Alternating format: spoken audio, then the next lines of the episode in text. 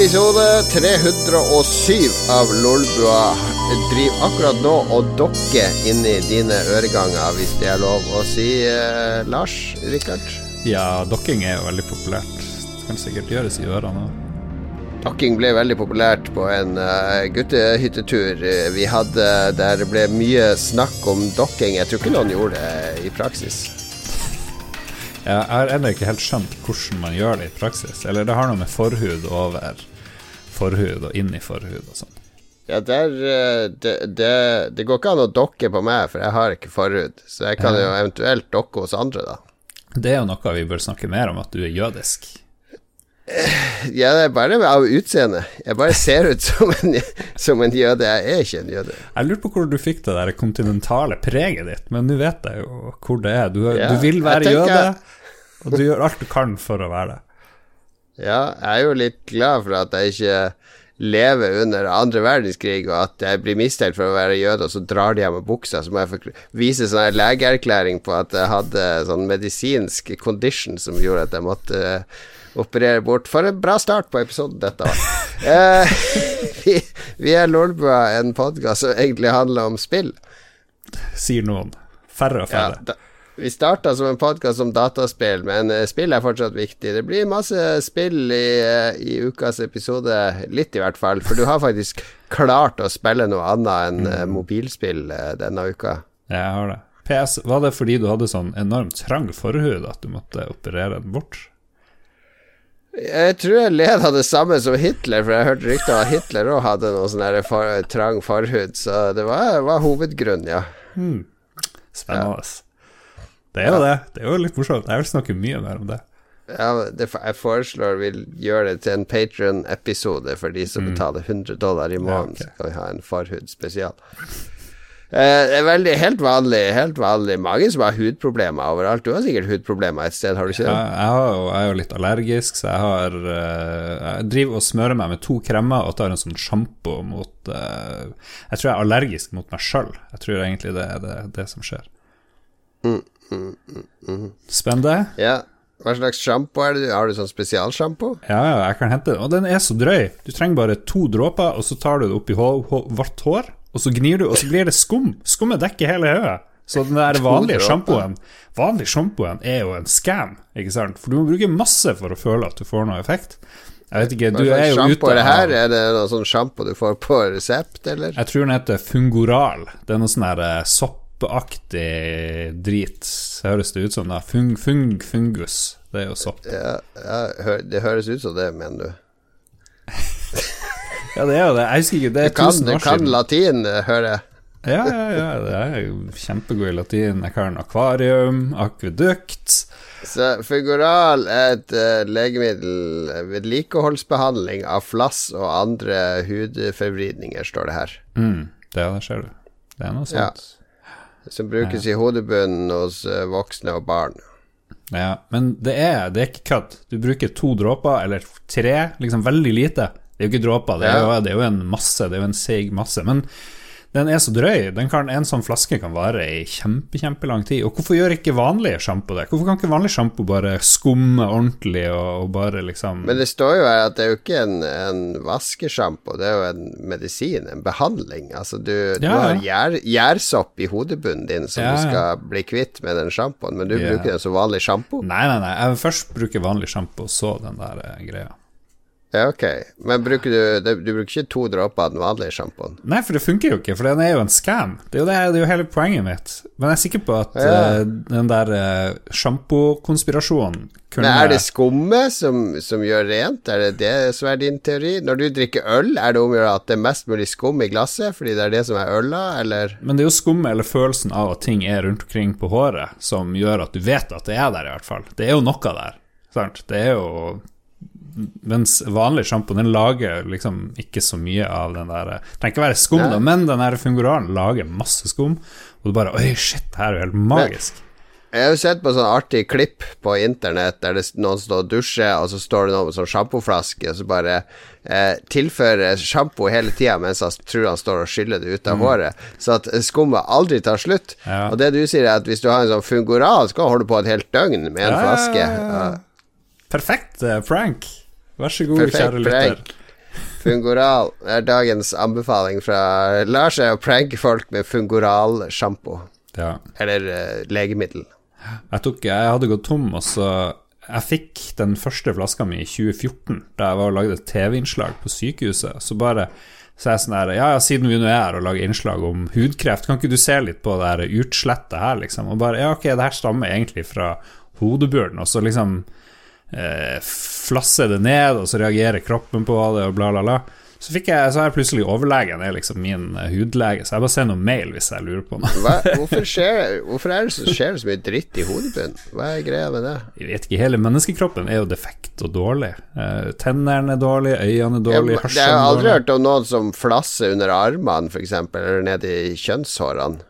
Ja. Har du flassproblemer der, eller sopp, eller gjær, eller hva det heter? Sopp og gjær har du jo, kan du ha overalt, tror jeg. Der, er det jo, der har jeg jo vært borti litt sånn Ja. ymse det her og der, for å si det sånn.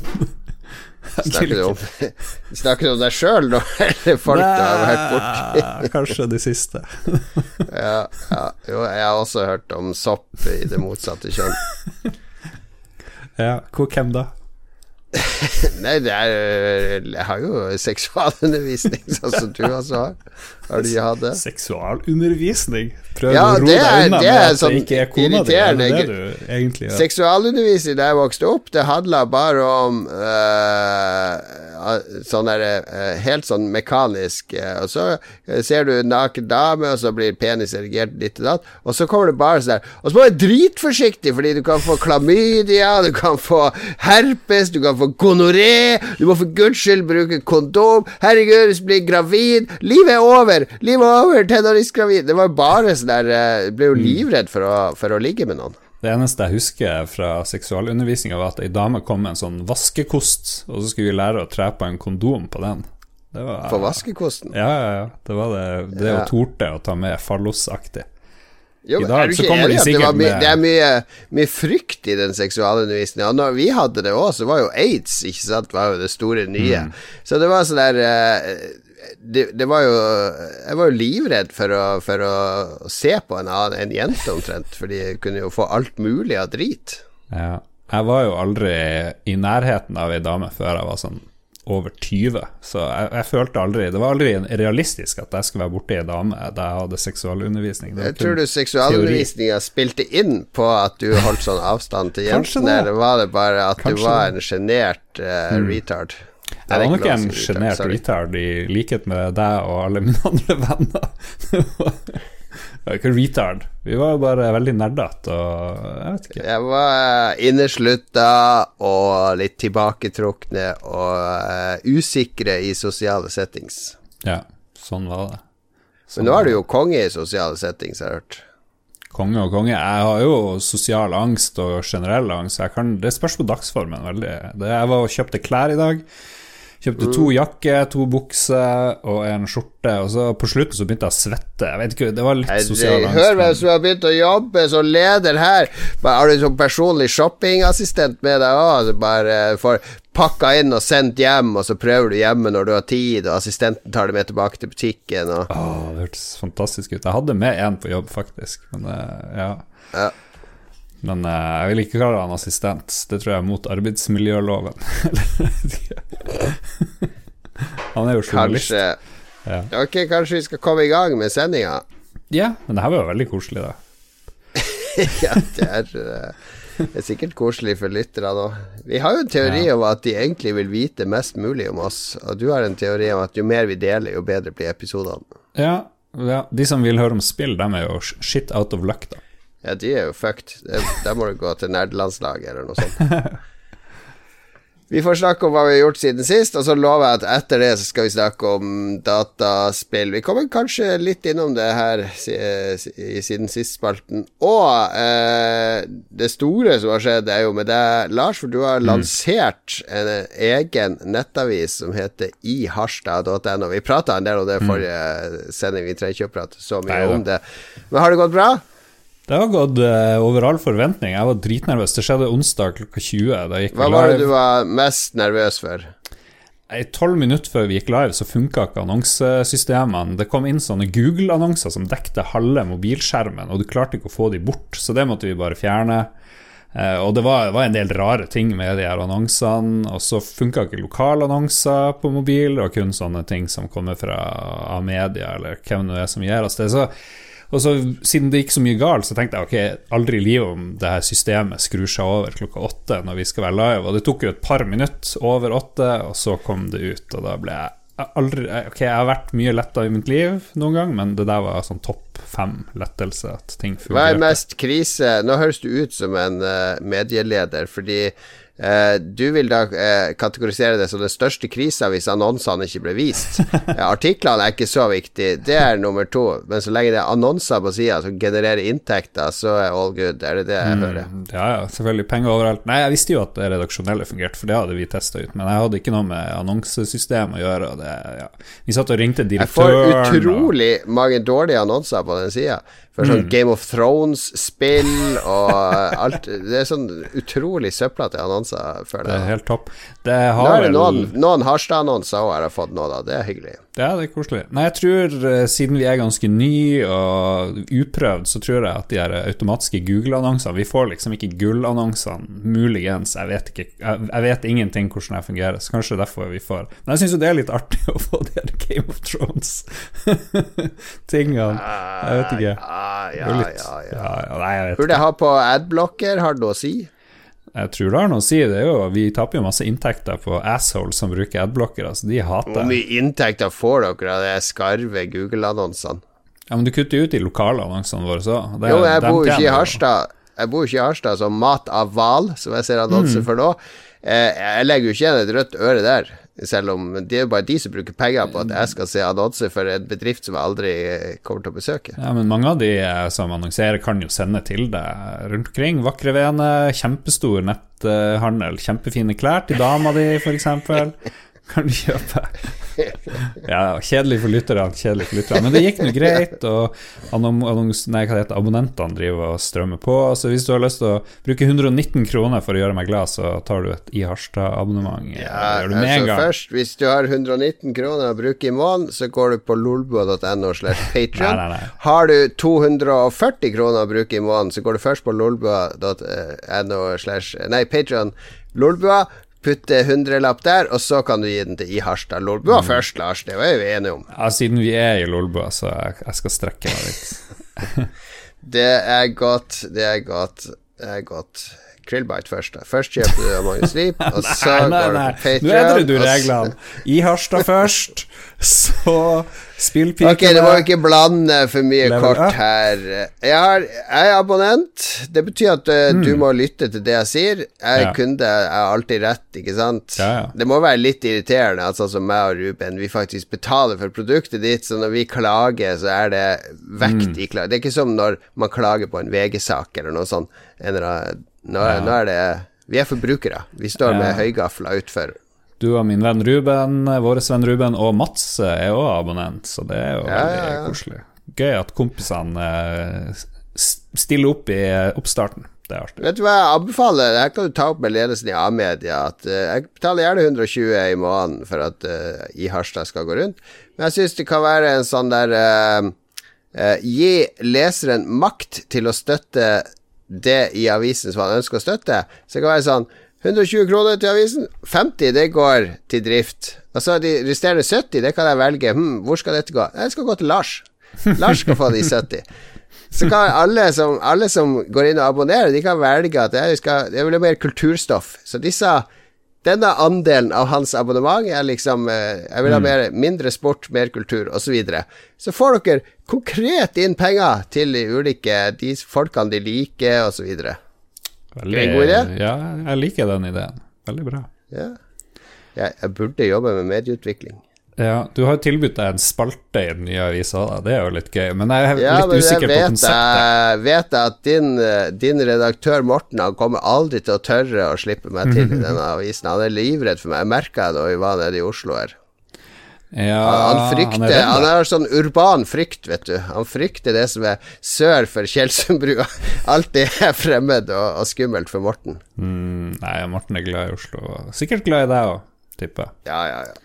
Skal, eh, vi skal fortsette forhandlinga om den spalten. Uh, sist uh, i Harstad-greia her Jeg så du intervjua ei som kalte seg for polyamorøs her Ja. for- forleden. Måtte Yes. jo slå opp hva det var for noe. Mm, er ikke det spennende? Ja. Ja. Er du polyamorøs? Uh, det betyr at du kan ha flere romantiske forhold samtidig. Sånne kjærlighets... Ja. Gjerne erotisk. Ja, sånn jeg leste det, så er det at du er redd for å committe deg til en person. Ja, kall det hva du vil, det er jo åpent, fritt, fri tolking. Jeg vet ikke. Men det, hun er litt sånn frempå, og sier jo sjøl hun er litt sånn syv år forut for sin tid. Og har lenge Ja, drevet det med jeg. Var og MDG og Ja, hun er eks-MDG, skjønte jeg, og vil at Harstad skal bli sånn preppeby. Men jeg liker jo det.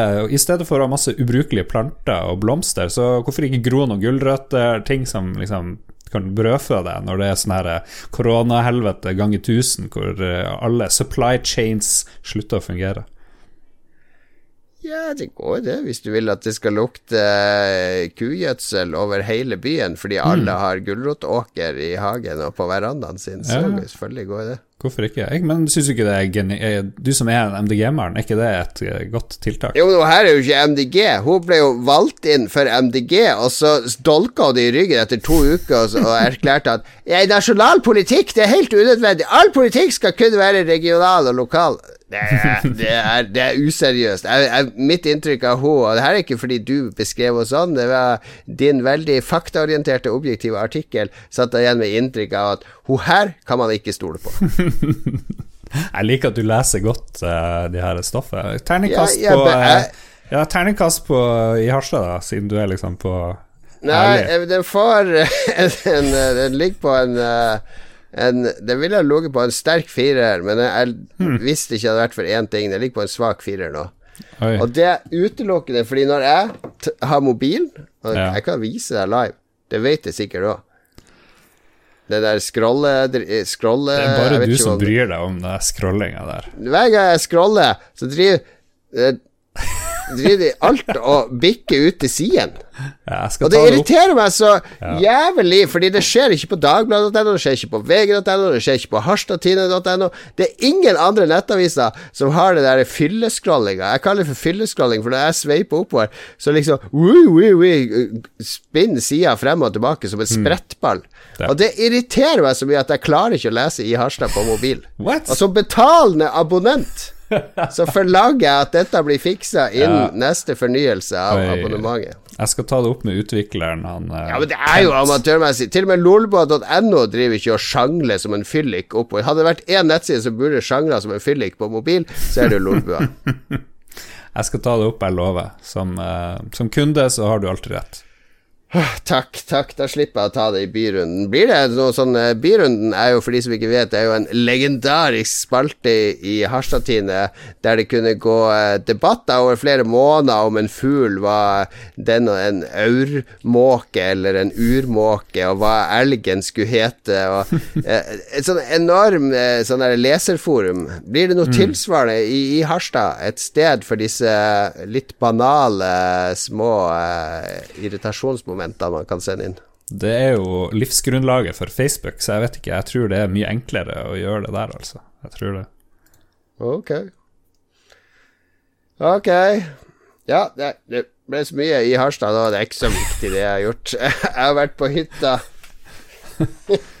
Kjempeinteressant. Ja, det var faktisk litt deilig, fordi det er jo uh, Vi har jo sittet i uh, Ikke i karantene, men vi har sittet i isolasjon og hjemme med ungene siden starten av mars cirka, så vi har ikke vært utenfor Oslo, knapt nok utenfor uh, rekkehuset. Mm. Så når det endelig var lov å dra på hytta, og så var det 1. mai-helg, så dro vi opp eh, kvelden før. 1. mai, og så var vi på hytta i tre dager. Og det var veldig deilig, selv om det var de samme personene som jeg har vært med nå hjemme i flere uker. Så bare det å få litt sånn sceneforandring, det å ikke ha internett og alt eh, Ikke ha jo de vanlige Jo, 4G har vi der oppe, men eh, Øh, du har- 4G. Det var ikke de vanlige rutinene, eh, så jeg går ikke og setter meg med PC-en for å spille Warzone. Eh, jeg har ikke tilgang til alle strømmetjenester der oppe, så det blir, det blir en veldig sånn avslappa stemning. Så det ble stamping og skitur. Masse snø fortsatt der oppe. Mm. Og eh, ja, fikk gjort litt av hvert. Ja, det er jo en deilig plass. Det er jo der vi er på den hytteturen hver høst. Og det, ja. Ja. Tror du vi kan ha hyttetur? Vi må være én meter unna hverandre på hyttetur. Det blir jo ikke skje. Det blir jo bare sånn her eh, backslapping og sånn her opplegg. Det går jo greit, det. Og ikke er vi over 500 heller, så det burde gå fint. det er jo nesten 500.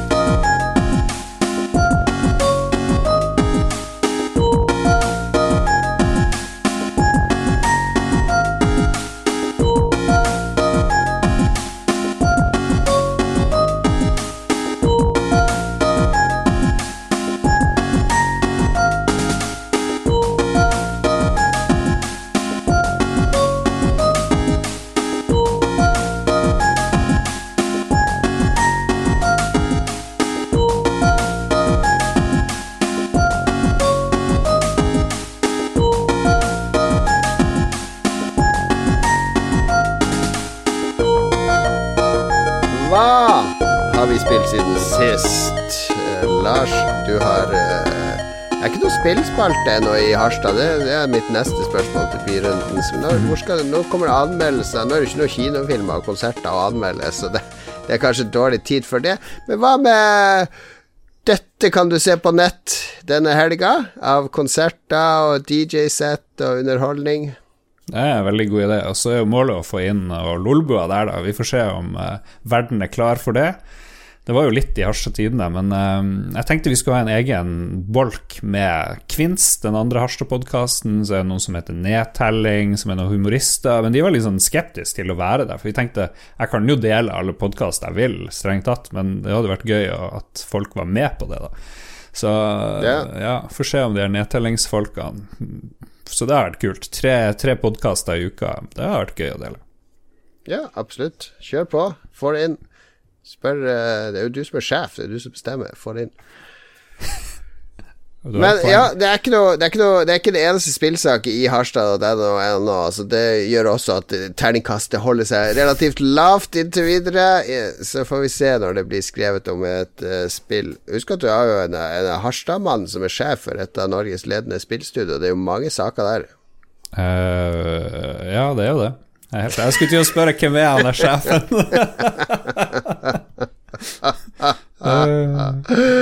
ok, hva har du spilt i det siste, Lars? Eh, jeg har spilt det jeg nevnte forrige gang, tror jeg det var. Outer Worlds. Da hadde jeg jo bare lagd karakter og bare beveget meg litt. Nå har jeg Det spilltida er blitt så redusert at én uke spilling Det er at du har kommet deg gjennom character generatoren i et spill. ja, det er, det er utrolig Nå har du gjort tutorial òg, er det så?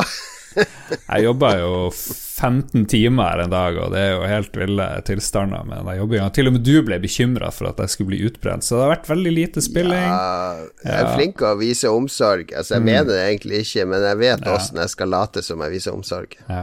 Nei, jeg har spilt en del mer, par-tre timer Outer World, så bevegde meg i den første byen, bevegde meg ut av byen.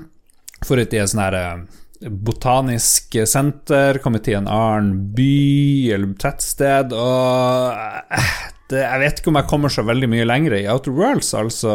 Det, det, det Gikk du litt lei, akkurat som meg? Ja, skytinga er ikke så gøy, og det er mye drit å plukke opp. Og, og så føles den verden som en sånn plastikkverden. Ja, den tiltaler meg ikke sånn veldig Nei, estetisk. Nei, det er et eller annet som ikke fenger. Ja, men uh, handlinga virker litt sånn, ja ja. Den tar seg ikke sjøl Det tar seg ikke sjøl seriøst på noe vis, og har ikke noe mm. tyngde som gjør at jeg føler at Jeg er ikke noe mål enda. Uh, nei, uh, ja Motivasjonen er kanskje ikke helt uh, til stede der. Så, men jeg skulle gjerne hatt bedre feeling på våpnene og skytinga og sånt. Jeg likte det der, mm. når jeg går opp i level, at jeg kan dele ut poeng og her og der. Og så liker jeg at Eh, når jeg snakker med folk, så får jeg hele tida bruk for det her eh, persuasion, eller jeg kan lyge og sånt, og det syns jeg er gøy. Men når du skal skyte, og så kan du sakke ned tida alt, alt, ligner jo på fallout, men i stedet for at det liksom stopper veldig opp, og du kan liksom velge kroppsdeler, så er det Du kan skanne fiendene, og så varer den der nedsakkinga Den der nedsakkinga er ikke noe gøy å bruke, den der bullet time-tingen. Den er gøy i fallout, syns jeg, men her ja. fungerer det ikke like bra. Nei. Uh, så terningkast uh, tre hittil, noe sånt. ja, nei, jeg falt litt på det samme, og jeg slet litt med å skjønne hvorfor folk eh, uh, jubla det spillet sånn opp i skyene, fordi det eh, For meg så det, det føltes som eh, om tida har stått stille i det spillet, og jeg savner mye Savner en verden å liksom bli glad i og involvert i, og oi, dette var spennende karakterer, spennende verden, og dette, den mm. verden jeg har lyst til å liksom granske fullt ut. Ja. Mm. Nei, det er fair, fair nok. Outer Worlds, ikke godt i fjor, i hvert fall, som uh, sikkert flere kåra det til. Ja, jeg skjønner ikke det i det hele tatt. Personlig mener jeg jo at Outer Wilds var jo mye, mye bedre enn Outer Worlds, men det kan debatteres. Jeg har spilt Spilte du Outer Wilds? Nei, men jeg tenker du, du har sikkert spilt en time Outer Wilds, tenker jeg. Nei, det spilte jeg masse. Det, det, det er et spill som foregår i et lite solsystem. Uh, altså, når det starter, så er det liksom uh, uh, time zero, eller noe sånt. Og så begynner klokka å gå. Og så, når du dør, så går du tilbake til time zero, da. Så at det hele tida resettes solsystemet, da. Mm. Eh, så du kan liksom explore ganske mye og finne ut av mye og, og finne en masse spor til mysteriet, da.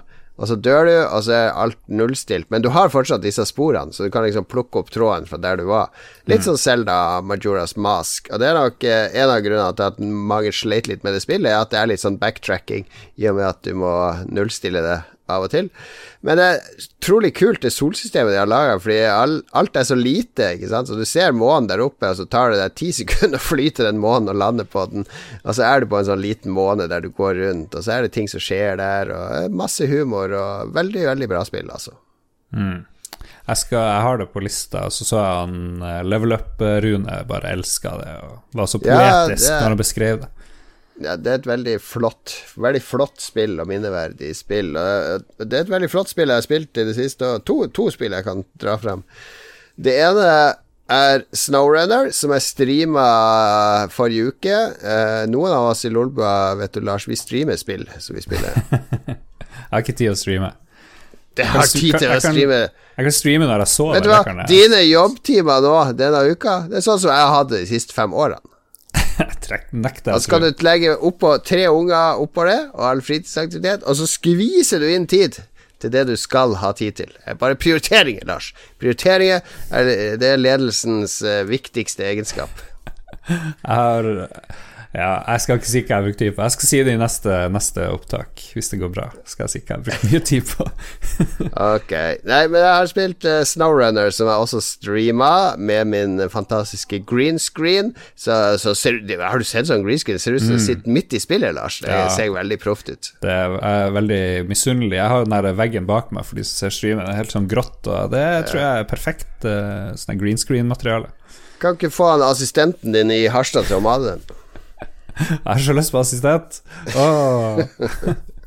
Jeg er androgyn assistent, var det du skulle ha. ja. Er sånn datageni. Litt Androgyn, polyamorøs assistent. Er det, det?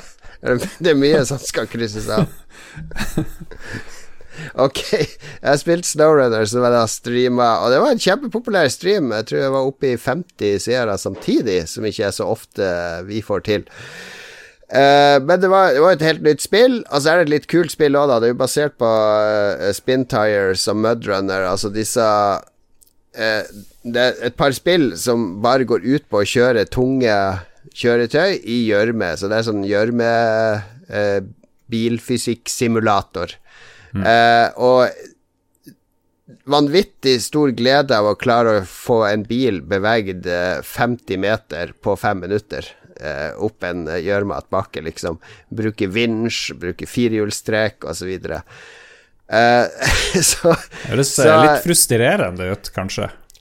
Ja, men det er ikke Det er jo ikke sånn at det kommer folk og skyter på deg, eller andre ting som du ikke At kontrollen glipper, at du blir stressa for panikk eller sånne ting.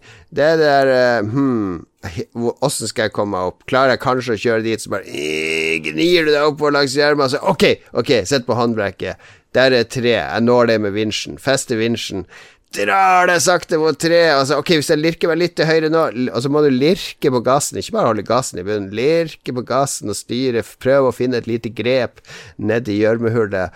Uh, og, og, det er bare så utrolig deilig å, å mm. kjøre disse tunge maskinene. Jeg føler meg som et skikkelig miljøsvin. De bare passer ut Altså, de brenner jo 20 liter bensin i minuttet omtrent når du presser på som hardest med full uh, firehjulstrekk og, og differensialsperre og alt på. Uh, det bare spyr røyk ut av de her eh, eksospotten deres, og, og jeg knuser trær og meier ned natur, og jeg, jeg føler meg Det er sånn skikkelig dirty pleasure å, å, å ferde rundt med disse monsterbilene i villmarka. Ok, hva er, hva er, det beste Er det beste kjørefeeling i noe spill? Jeg tenker de der um Uh, Warthog, hva det de heter? Hva de heter i Halo 1? Og det, de er jo de andre Halo-spillene òg. Den ja. syns jeg var veldig artig å styre og kjøre, for der er det mye fysikk og litt ja, sånn oppoverbakker. De Warthogene hadde jo veldig Eller Halo-spillet hadde jo veldig unik kjøremekanikk med at bilen automatisk snudde seg mot kamera. Mm. Så du styrte jo ikke bilen, du styrte jo kamera. I, ja, Jeg vet ikke om du har tenkt over det. Og du bare holder inne gassen, altså hvis du ser til høyre, så svinger bilen den veien mm. du ser. Fikk en sånn morsom sleng og litt sånne ting. Så det er ja, nei, det er, uh, det er, det er veldig bra kjørefysikk i de her. Jeg føler vel av og til at den uh, blir litt voldsom, den gjørma og det, de grepene til dekkene er for, Du kjører jo på sånn såpeglatte dekk uansett, virker det som. Ja, hvorfor bytter de ikke dekk? Det er jo ingen mening. Jeg tar på kjetting, f.eks. Jeg tror det kommer, fordi det er tre verdener. da Det er først Du begynner i Michigan, og så er det liksom Alaska med masse snø, og så er det Sibir er den tredje og siste verden. Og i hver verden så har det liksom vært en naturkatastrofe. I, i Michigan så har det vært flom, så elver, bruer liksom rast ned, og uh, veier kan ikke forsere, så du må hjelpe til å rydde opp ved å frakte ting eh, materiale til brua, så at de kan bygge ny bru. Masse sånne oppdrag, frakte mat hit og dit. Så du har en mål, små mål å, å jobbe etter hele tida, da får du oppgraderinger og nye biler. Hmm. Jeg har fått eh, en melding fra Kampsauen, vår quizmaster, han sier at du sitter bare fast i gjørma og blir gal. I don't see the fun, sier han. Så det er kanskje ikke for alle, da muligens. Nei, nei, men det er jo ingenting som er for alle. Si én ting som Ok, luft er luft, for alle. Men, luft er for alle. Du, takk. Vann er ikke for alle. Jeg så på, på, Første Date, eh, sånn det, det fenomenale TV Norge-programmet som er på hytta. Faen, for mye drit du ser. Herregud. Handler om prioriteringer, Lars. Prioriteringer. Første date er jo Jeg anbefaler ikke å se det på TV Norge, men søk på det på YouTube, for alt det beste ligger på YouTube. En episode var en halv time, og det, blir, det er ganske kjedelig. Men på YouTube får du to, to minutter med det beste fra alle datene. Og der, der, var det en dude som, eh, som var på date, selvfølgelig, som gjorde et stort poeng ut av at han ikke likte vann. Han likte ikke smaken av vann. Han syntes vann smakte vondt. Hvordan går det an? Kom igjen. Nettopp! Det, hvordan går det an? Det må, du må se det for å tro det. Og så tvinger hun der daten at du må jo smake det. Jeg har ikke smakt på vann siden han var seks år gammel. Og sånt. Hvilke tenner han har. Hva han drikker? Altså, tre, altså smaker på vann, og ser bare fjeset og øh, øh. Altså, det, det, er Jeg håper han ikke hører på Lolpa, det, men det, var, det var et morsomt klipp. Høres ut som en Men kanskje han har en sånn enormt god smak? Det er jo noen som har en veldig god luktesans. Kanskje han har en sånn kjempeavansert smak, så han kjenner ikke sant, gjørma og bæsjen og alt det der, der som er i vannet. Eh, han så ikke ut som en fyr som kjenner gjørmen og bæsjen. Men smaken er som baken, så takk til Kampsauen. Jeg liker å sitte fast i gjørme. Jeg liker å ha konkrete arbeidsoppgaver og problemer å løse. Det får du i Snowrunner. Det får du også i det andre spillet jeg har spilt. Picross er kommet i en ny versjon på Switch, Picross S4. Som det jeg heter. hater sånne spill. Jeg klarer ikke de her spillene. Hvorfor det? Jeg er for dum. Jeg vet ikke, jeg, det, det, er for mye slit. Så setter jeg meg fast, for det er jo sånn puzzle-greier. Jo, jo, men Picross er jo ikke slit, det er sånn Tetris for meg. Det er bare sånn Jeg ser på tallene og rutenettet, og så går, sånn, beveger fingrene seg automatisk og begynner å fylle ut felter blir sånn a beautiful mind moments, hvor du bare ser ja, Det har tatt meg lang tid å komme dit, men jeg elsker Picross-spillene. Du har et rutenett, du har noen tall som indikerer hvilke felter som skal skraveres inn, og hvilke som ikke skal det. Og så er det bare å begynne å skravere. Det er som en slags uh, sudoku der du tegner. Ja. Veldig, veldig gøy. Picross sesong fire. Jeg har løst mye av uh, oppgavene der på hytta. Hmm, mamma liker sudoku. Tror du hun tror, Er det her spillet skal, skal innføre henne i gaming på? Prøv. Prøv. Mm. Jeg, tror, jeg tror det kan funke. Hun sliter jo med å skru på Netflix og sånt, så det jeg vet ikke. Ja, det jo min mor òg. Det blir verre og verre, det her opplegget der. Ja, og det, nå har jo min mor har fått ny TV. Hun hører jo på det her, nå blir hun skikkelig sur. For at jeg driver ut. Men uh, hun er Og her er jeg helt enig med henne, for jeg liker tradisjonelle TV-kontrollere som har masse knapper, der hver knapp har en funksjon. Skal du skru på tekst, så har du en tekstknapp. Skal du eh, Tekst? Tekst-TV? Nei, men eh, Ok, hvis du ser på Netflix nå og så setter du på eh, filmen Hullet, som jeg anbefalte, så prater de engelsk. Altså, vent nå litt, det er en spansk film, det ser rart ut med leppen, det er sånn der dårlig engelsk oh, What are you in for? Oh, I, uh, yeah, I'm a prisoner in this place. What about you? Det, du vil ikke høre, se filmen med det. Nei. Så skal det skifte da til den spanske originalteksten. Åssen gjør du det på, med en moderne fjernkontroller? Nei, jeg, min fjernkontroller har under ti knapper. Det er en luksus-Samsung-modell. Ja, så trekker trykker jeg bare inn, og så går jeg i en meny. Hva, hva trykker du på? Hva trykker du på? Den store knappen. Det, du bruker nesten bare den store knappen. Og så kommer det opp menyen, og så pause, og så går jeg inn der eh, tekst. Det gjør det ikke i alle. I mange apper, Netflix. Apple TV og Netflix og sånn, så må du trykke ned. Du må Ja, trykke ja. ned for at det skal komme ned en sånn der eh, undermeny på toppen av skjermen. Og så må du drive og trykke til høyre og venstre for å velge lyd og tekst og sånne ting. Mm, det, er, det er 100% ikke intuitivt for folk som ikke Mm. er vant til å lære seg ny teknologi. Ja. Så eh, jeg har sittet på FaceTime med min mor og prøvd å hjelpe henne å stille om tekst og sånn, fordi hun blir jo bare frustrert. Hun har hatt en fjernkontroll i alle år der du kan skru på tekst og, og skifte ting med knapper som, som sier hva de skal gjøre. Ikke at du skal, intuitivt skal forstå at å ja, du skal endre tekst, ja, da må du først dra ned den menyen. ja.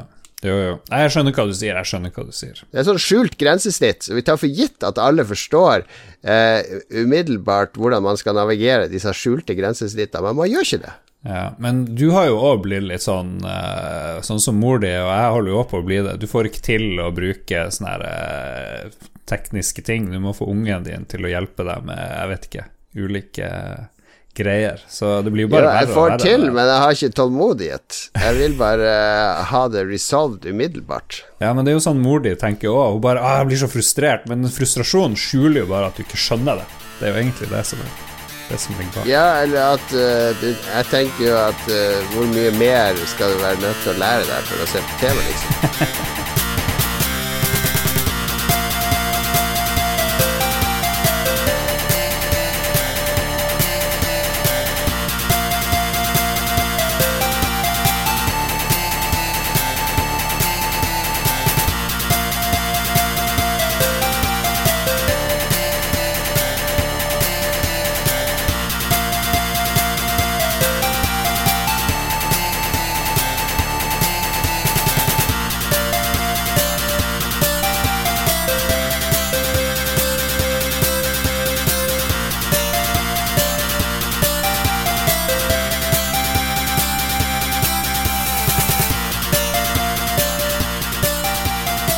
Holy moly! Vi har kommet til vår nye favorittspalte. Hva har vi spist i det siste? For nå har vi spilt, og da må vi spise. Og denne gangen med Har du Du tok selvkritikk sist når jeg kjefta litt på deg.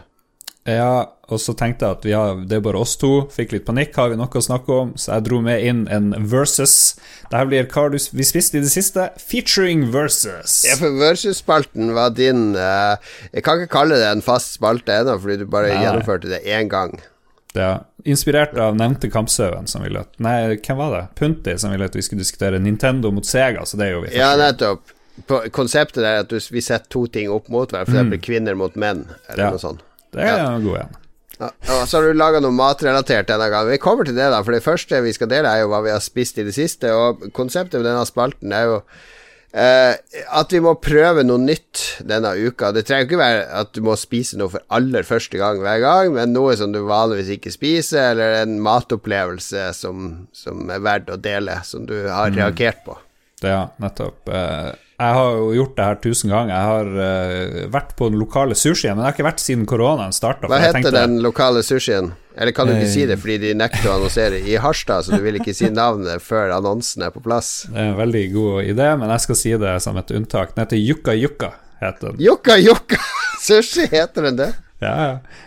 IUKKA to ganger. Er det sånn uh, samisk eller finsk sushi? Eller? Nei, det er noe Jeg vet ikke hva det, hvordan språk det er, men jeg tror hun er fra sånn Filippinene eller Thailand, og dama ja, okay, ja, okay. styrer det. Så når du får den fersk, så er det jo best, men jeg kjøpte nå et brett eh, med meg på jobb, fordi nå har det vært så mye jobb, og da må du ete når du er på jobb. Så jeg tenkte ok, vi får ta den koronasjansen. Har de stått og gnudd inn eh, virusene sine osv. i denne greia? Jeg var sulten nok. Hadde veldig lyst på sushi. Jeg elsker jo sushi. Jeg husker da jeg var i Japan, så spiste jeg veldig lite sushi. Jeg var aldri på noen sånn fancy plass. Eller jeg kjøpte ja, husker jeg I mailene dine så var det Mac-eren hver dag og sånt å snakke om. Big så... Og Det var så gøy å gå på McDonald's i Japan, for de var så høflige. Ikke sant? Kom og vær så god, bøye seg ned og gjør deg fatet veldig topp. Men eh, Og litt sånn rare, rare burgervarianter. Men jeg spiste lite sushi der, men jeg, har spiste mye mer sushi i andre strøk og deler av verden. Ja, og, du liker eh, ikke den, den japanske Du, som, du liker den norske tacoen bedre enn den meksikanske tacoen. ja, det gjør jeg 100% Nei, så, så jeg for nå på den lokale sushien, men det jeg kanskje egentlig vil, det er jo at det kommer noen flere sushiplasser, eller at de, de skjerper seg litt. Ja, er det, det bare én sushiplass i Harstad? Nei, de har en sånn sushi point på Kanebågen amfi, men dit drar jeg jo ikke. Det, jeg har jo sykkel, jeg kan jo ikke sykle en halvtime i lunsjen for å få mat, liksom. Det gidder jeg ikke. Har de ikke Foodora der oppe? Kan ikke en annen sykle fra Kanemangen til det? Du vet jo at vi har ikke noe Foodora her oppe. Det fins ikke. Jeg vet? Jeg må da vel få lov å spørre. Ja, men jeg fikk nå den der standarden. Men du får bare laks, stort sett. Fikk du standard, hva er det du sier? Mm, ja, jeg fikk standardmenyen deres, ikke sant. Og det er, det er 90% laks, og så er det kanskje bitte litt tunfisk, hvis ja. du er heldig. En sånn reke, kongereke, eller hva det heter for noe. Ikke noe maki, eller? Nei, det er, det er, noe Det er jo noen ruller med sånne litt grønnsaker, og kanskje Jeg tror det er laks i de òg, liksom. Men det er ikke noe ja, For det er sånn filippine- og thai-variant av sushi. Da. Altså, Nei, bare, vi følger sushioppskrifta og lager det også lignende. Vet ikke, jeg vet ikke. Jeg, jeg har liksom ikke tort å si det, men jeg vil gjerne ha litt mer avansert. Mer ulik shit. Men eh, ja, så, så, kanskje jeg håper de, de, hører det her på Jukka Jukka, at jeg ønsker litt mer variasjon. Og fuck den der laksen hele tida, det er kjedelig. Det kan jeg kjøpe sjøl i butikken. Ja. Men jeg tror kanskje det er litt vanskelig. Alle de her butterfish, jeg vet jo ikke hva de heter. De her rødspette. Jeg aner ikke hva de har på den Oslo-sushien, men der er det jo kjempevariasjon. Her er det null. Null. Så det er liksom Det er litt godt, og så er det litt Altså Fundamentet for de finere sushiene i Oslo, og sikkert i, og i Bergen og Stavanger òg, er det veldig god sushi er jo A. At du har lokale fiskere som er ute, drar ja, ut på natta, fisker, og så kommer inn til havna. Og at de har et assortert utvalg som da sushisjefen kan dra ned og handle inn fersk fisk hver morgen. Mm. Ja, det spørs vel om Jokka Jokka står på fiskehavna på morgenen klokka åtte, eller om fisken her er fra fiskedisken i Rema eller et eller annet sted. Av og til så kommer det inn en fiskebåt og selger litt derfra, men eh, hvordan det er nå i koronatid, jeg vet ikke. Det har jo ikke noe å si, for det har vært likt hele tida. Nei, så det er en god idé. Jeg skal fære ned og faen meg prate med dem og høre. Fære dem og finne de her fiskerne, hva skjer? Gi dem litt sånn klar tale. Ja, ja, ja. Jeg er helt enig. Men det meste sushi her i Oslo òg er litt sånn der uh, fast food-sushi. Uh, uh, alt smaker Eller jeg er jo sånn Jeg var jo på det der omakese med vår, vår venn Frank, som han fikk i 50-årsgave i fjor, mm. var det vel. Uh, så er det sånn superfancy Oslo sushi-restaurant. Bare tolv gjester hvert døgn, og alle sitter ved bordet. Kokkene står og lager sushien bak. Og det koster liksom 2002 per pers, mm. med, med, litt drikke. Ja, 2,5 hadde vel med drikke. Det var ganske dyrt. Ja. Og da tenker jeg Så det her, det her sushi det her, Jeg kunne betalt 200 eh, liksom for sushi og en øl på et annet sted. Og det er faktisk ikke ti ganger bedre. Altså, Nei. det smaker ikke ti ganger bedre enn den vanlige fastfood-sushien. Det gjør det ikke. Nei, men du kjøper ikke bare maten, du kjøper stemninger, du kjøper service, ikke sant? Ja, ja, og så er det det at man må sitte der i evigheter òg, da. Kunne laga sushi litt raskere, fått spist den på halvtime, tre kvarter og kommet seg hjem. I stedet så sitter du der på ræva i fire timer. Liker du ikke selskapet til vennene dine? Det det? Jo da? da, det gjør jeg, men jeg, jeg liker ikke å sitte ved matbordet. Fordi jeg mener, og det mener jeg helt oppriktig, at mat er noe du skal få i deg, og så skal man trekke til et koseligere sted der man kan drikke øl, sitte i en sofa, sosialisere, snakke om ting. Eh, Jeg er ikke noe fan av å sitte tre timer ved matbordet og ha den sosiale interaksjonen der. Det liker jeg ikke. Jeg liker ikke å sitte på de pinnestolene. Du må høre, høre Thailand-episoden fra i fjor på, i februar, eller hva det var. Der er det jo en lang eh, seanse fra Gaggan, verdens femte beste restaurant, eller hva det var. Der satt Ja, vi i fire-fem timer. jeg klarer helt fint å gjøre det av og til, men jeg, det er ikke eh, jeg Men blir- meg.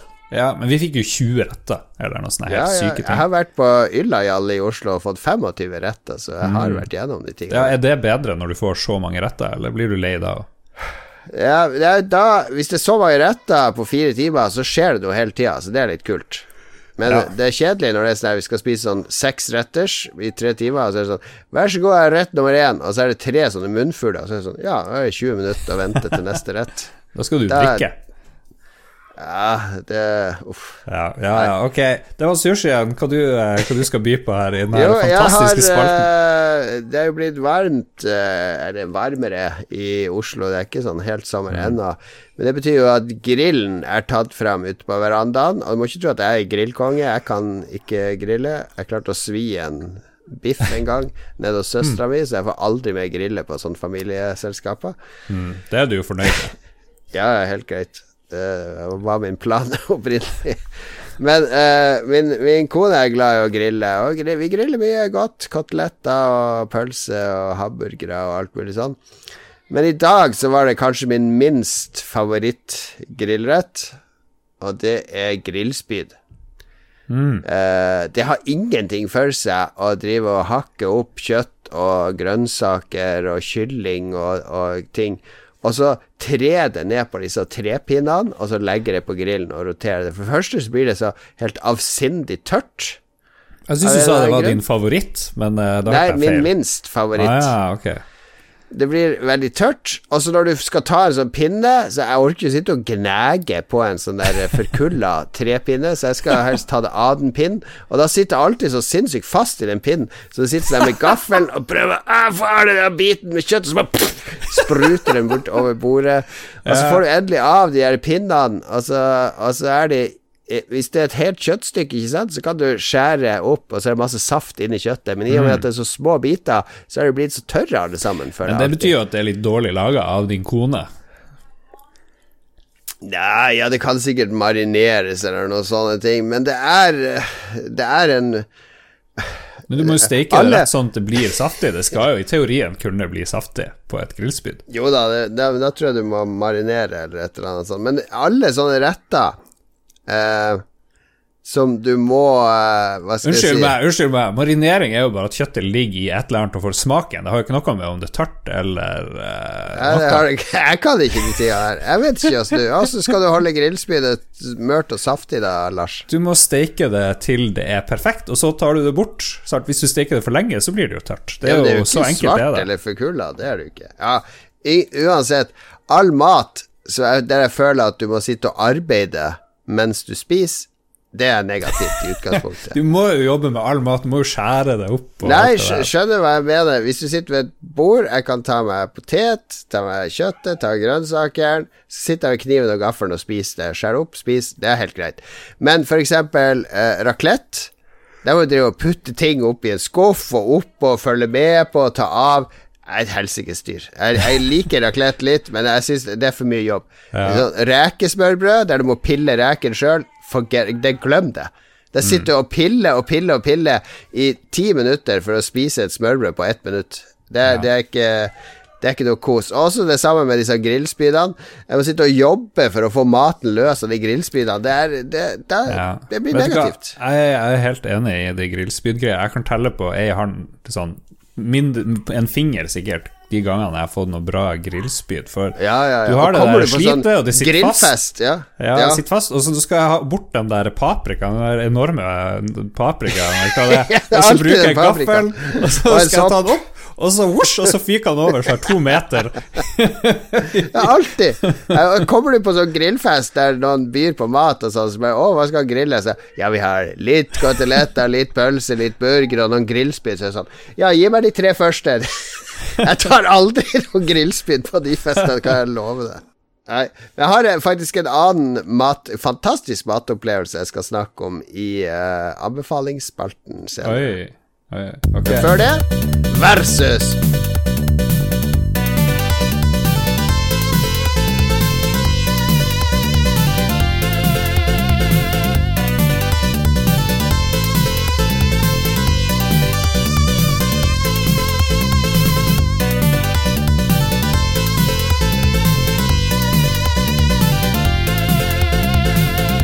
Du har mye mat i dette programmet her. Jeg tror vi må få Inger Emilie til å eh, finne noe sånn kokke... Kanskje sånn Masterchef? Der kan du være han, eh, han, eh, han der tjukke, vet du. Og skal han, Masterchef Australia. Han tjukke velkledde, det kan og photoshoppe deg inn. Så kan jeg være han der skalla. Ok, jeg er med, veldig med på det. Ja. Hører du, Inger Emilie? Instrukser fra ledelsen. Det er sånn du, sånn du, sånn du gjør ledelse, Lars. Sier det litt tilfeldig i en podkast og håper noen får det med seg. Ja, og i Krillbite i morgen så kan hvis Adrian, hvis du eh, Ok, versus-spalten. Vi holder oss inne i matriket. Ja. Eh, jeg følte det ville bli for flaut å bare ha én utgave av Versus, og jeg sneik han inn her i, i mat, eh, mattoget. Og jeg tenker vi kjører i dag ketsjup mot sennep. Ketsjup og sennep i Norge i hvert fall hører jo alltid sammen. Det står rett ved siden av hverandre på fastfood-plassene hvis du skal ha pølse, eller hvis du skal ha jeg vet ikke, hamburger, så kan du ha det. Kanskje litt eh, sprøstekt løk. eh, Noen har jo majones og sånne ting. Men jeg føler at ketsjup og sennep er Det er veldig ofte i lag, på et vis. Men hva er best? I, I Norge er det kanskje det. Jeg vet ikke hvis du drar i et fransk supermarked om de står attmed hverandre. Nei, gjør de nei, det? det tror jeg ikke. Og i uh, hva er det, i Pulp Fiction, der er det jo ikke Der er det jo majones til pommes fritesen i stedet Ja. for ketsjup. Det snakker de jo mye om. Ja, uansett. Jeg tenkte vi kan, vi kan vurdere litt ulike ting med ketsjup og sennep. Eh, Begynne med ketsjup. Jeg har faktisk gjort litt research her. Det var faktisk mer interessant enn jeg trodde. Jeg ser at du skriver ketsjup med SJ, altså altså Sjup. Ja. Ikke med CH. Nei, jeg tror det er lov å skrive ketsjup med Det er, lov, det er også lov å skrive strømpost i stedet for e-post, men man trenger ikke gjøre det. Ja, hvorfor ikke er du mot fornorsking av eh, utenlandske ord? Skal vi si car i stedet for bil? Du, hvor skal det her ende? Nei, men eh, skal vi si uh, frityrstekte poteter i stedet for pommes frites? Altså, det, pommes frites er heller ikke noe norsk ord. Eller Nei, chips. chips? Chips? Ok, la oss gå videre. Vi, det her blir jo verdens lengste podkast. Ketchup. Ketchup versus sennep. Først ketchup. Origin story. Hva, hvordan har mest imponerende origin story? Den opprinnelige ketchupen var asiatisk, og det jeg tenker at da blir du skeptisk med en gang. Ja, selvfølgelig. drit. Jeg liker ikke ketchup, så det passer bra at den er fra Ok, vi er der allerede. Uh, det het ketsiap uh, der. Jeg tror det var 1700-tallet det dukka opp. Og ordet betyr lake av sylta fisk. Og det var en Ja. saus bestående av ansjos, valnøtter, sopp og bønner, og det ligner jo ikke i det hele tatt. Det er jo ingenting med ketchup å gjøre, det det er bare tull. tull. Er det sånn der røverhistorie? Sausen ble brukt på fiskeretter, og så tok britisk sjømenn med seg ketchup til Europa. Og vet du hva? Eh, tomaten ble ikke en del av ketsjupen før på 1800-tallet, eh, viser min research. Og grunnen? Man trodde at tomater var giftig. Til 1800-tallet. Hvilke idioter var det som eksisterte i, eh, på 1800, før 1800-tallet? Jeg syns det her, det her stiller Altså, mange det- viktige spørsmål. Det finnes jo fortsatt folk som tror at 4G gir kreft og sånn, så det er jo ikke, det er jo ikke noe mindre idioter i dag. Ja, ok, men så begynte man å bruke tomater i ketsjup. Man trodde at uh, gifta forsvant hvis man kokte tomaten. Det er jo bare helt ja. vilt, det her. Så jeg syns det er en veldig dårlig origin story. Veldig lite imponerende. 1700-tallet, veldig nytt. Uh, uten tomat. Men hva, tomat hva betyr uh, ketsjup? Altså, Lake av syltet fisk, betyr det. Det betyr jo ikke det. Jo, jo, ketsiap. Jeg sa jo det, du må jo følge med på spalten. Er, ke, er det lake? Altså chia, er det syltet fisk? Sikkert. Jeg kan ikke kinesisk, så Er det kinesisk? Det var ja. asiatisk. Det trenger jo ikke være kinesisk. Nei, jeg tror jeg, jeg bare gjetter. Tipper det var, Kina som var stor der. Sikkert i et eller annet Ming-dynasti eller et eller annet sånt. Ja, ja. Og så er det mye annen historie. Drit i det. Vi går over på sennep. Sennep, førte ført litt fakta. Sennep er en plante. Eh, tilberedt ja, sennep er Allerede bedre, fordi det er mer naturlig. Ja, nettopp. Der er vi der. Tilberedt sennep er et krydder. Eh, sennep eh, går tilbake i hvert fall 3000 år før Kristus. Mesopotamerne, Mesopotamia, mm. et eller annet, eh, styrte på med det. Egyptiske farao fylte gravene sine med sennepsfrø som skulle være med dem etter døden. Og allerede her har jo eh, sennep vunnet den her origin story-greia, spør du meg. Og så mm. tok eh, romerne det her eh, til seg, henta det i, i Egypt og begynte å styre på. Og lagde det vi sikkert kjenner som ketsjup. Og så var det noen franske munker, vi kjenner jo til det Dijon, sennep, det er jo et eller annet. Vi skulle hatt Magnus her, egentlig, tenker jeg nå. Til slutt, eh, morsom fakta. Romerne eh, spiste også pølse med sennep. Eh, spiste de det? Ja, I den berømte romerske Men kokeboka Men uten ketsjup, da, tydeligvis. ja, I den berømte romerske kokeboka Apicius nevnes tospannet pølser og sennep. Og det her er alt, alt det her er fra ubekrefta kilder på, uh, på nettet. Ja. Er vi enige om at sennep leder så langt? Ja, ja, sennep ja. knuser jo ketsjup i alt. Forbruk. Eh, Ketsjup er helt klart vinneren der, eh, hvis vi ser på forbruk rundt omkring i verden. Nordmenn, jeg tror det var sånn 3,3 kilo. Eh, ja, her vil jeg protestere litt, for det, ja. der syns jeg du kan lage demografier på forbruk. Hvis du ser på forbruk eh, for de under 30 år, så tror mm. jeg ketsjup er 98 ja. Hvis du ser på forbruk på de over 30 år, så tror jeg du vil se at sennep slår ketsjupen. Tror du det? Ja. Det... ja jeg, jeg, kjenner ganske mange voksne som ikke har ketsjup eh, på maten sin. Tror du det her gjelder i USA i tillegg, nær teorien din? Ja, hvis vi holder utenom den gigantiske barnehagen i USA også, så, så tror jeg det. Men ja. ketsjup er eh... Ja. Men det er ingen tvil i rent forbruk da at ketsjup vinner. Der er det, det er mye mer populært i, i volum. Um, hvis vi ser på Og da er det 1-1. Helseeffekt. Sennep er bra for huden, men kan gi alvorlig eh, allergi. Ketsjup ikke bra for noe som helst, eh, så langt uh, Ketsjup er bare finne. enormt mye kalorier i. Ja, så nå 2-1 til ketsjup. Og vet du hva? Jeg tenker, Du sier jo du hater ketsjup, så da, da har jo for deg Hater ikke, men det er jeg, jeg, mener det er to helt flere ting, da. Selv om du har ketsjup og sennep på pølsa di, så mm. tenker man at det er akkurat det samme, det er bra men versus. Men det er jo ikke det, da. Fordi eh, det er en fundamental forskjell her. Fordi sennep er en ingrediens som du bruker i mange retter. Mm. Ketsjup, det er noe sånn drit, så du lager en rett, og så putter du ketsjup oppå den når retten er ferdig. Ja, det, er ingen retter, det er ingen retter som har ketsjup som en del av oppskrifta. Det er et kondiment du kan ha på etterpå som bare ødelegger smaken totalt av, ja. av det retten skal være. Enten det er en omelett eller hva som helst lekkert du har laga. Dynker du den med ketsjup, så har du ødelagt den etterpå. Jeg er veldig glad i ketsjup, men jeg liker det i kombo. da Men uh, vi må jo skille mellom tomatsaus, som jo er en egen greie og veldig bra i mye matretter. Det er en egen greie. Det er fantastisk bra, men det. ikke ketsjup. Men vet du hva, jeg har en overraskelse til deg, Jon Cato. Ja, ja. Jeg ba nemlig Magnus Tellefsen jeg ba oh, ja. nemlig Magnus Tellefsen om å kåre en vinner her, så vi skal slippe det. Så jeg har fått en uttalelse fra juryen som jeg skal lese opp. Jeg gidder ikke å gjøre det på Magnus-dialekt. Det gidder jeg ikke, det blir for mye. Han har jo selvfølgelig skrevet tre mil eh, tekst. ja. hold dere fast.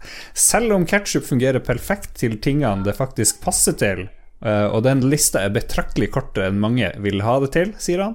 Jeg Helt tror han riktig. sennep vinner på allsidighet. Sennep fungerer alene til noen pølse som bratwurst. Det er genialt med salte skinke og selvfølgelig fast innslag til julemat som sylte, ribbe, svinesteik og juletorsk. Men det er også en ingrediens. Vi har det i sauser, potetsalat, majones, eh, for å nevne noen få. Akkurat det jeg sa! Fy faen, jeg kan mer enn jeg tror. Ketchup kan inngå i noen barbecue-sauser, men det er vel omtrent alt. Det finnes også en rekke forskjellige senneper som har ulike bruksområder. Han har hele tida tre varianter i kjøleskapet. Dijon, slotts og amerikansk pølsesennep. Til sammenligning har han en liten flaske med Heinz eh, stående. Eh, en annen ting som gjør sennep mer verdig, er at det faktisk brukes som et tilbehør som ikke dominerer smaksbildet totalt. Når man bruker ketsjup, er det ofte fordi man foretrekker at maten smaker ketsjup, fremfor hva det enn man dynker det i. Ja, helt riktig. Helt riktig. Sennep brukes for å få frem smakene i det man serverer, og, gir, og forbedre hele retten. Eh, Så ketsjup er stort sett for folk som ikke liker mat. Ja, det er det.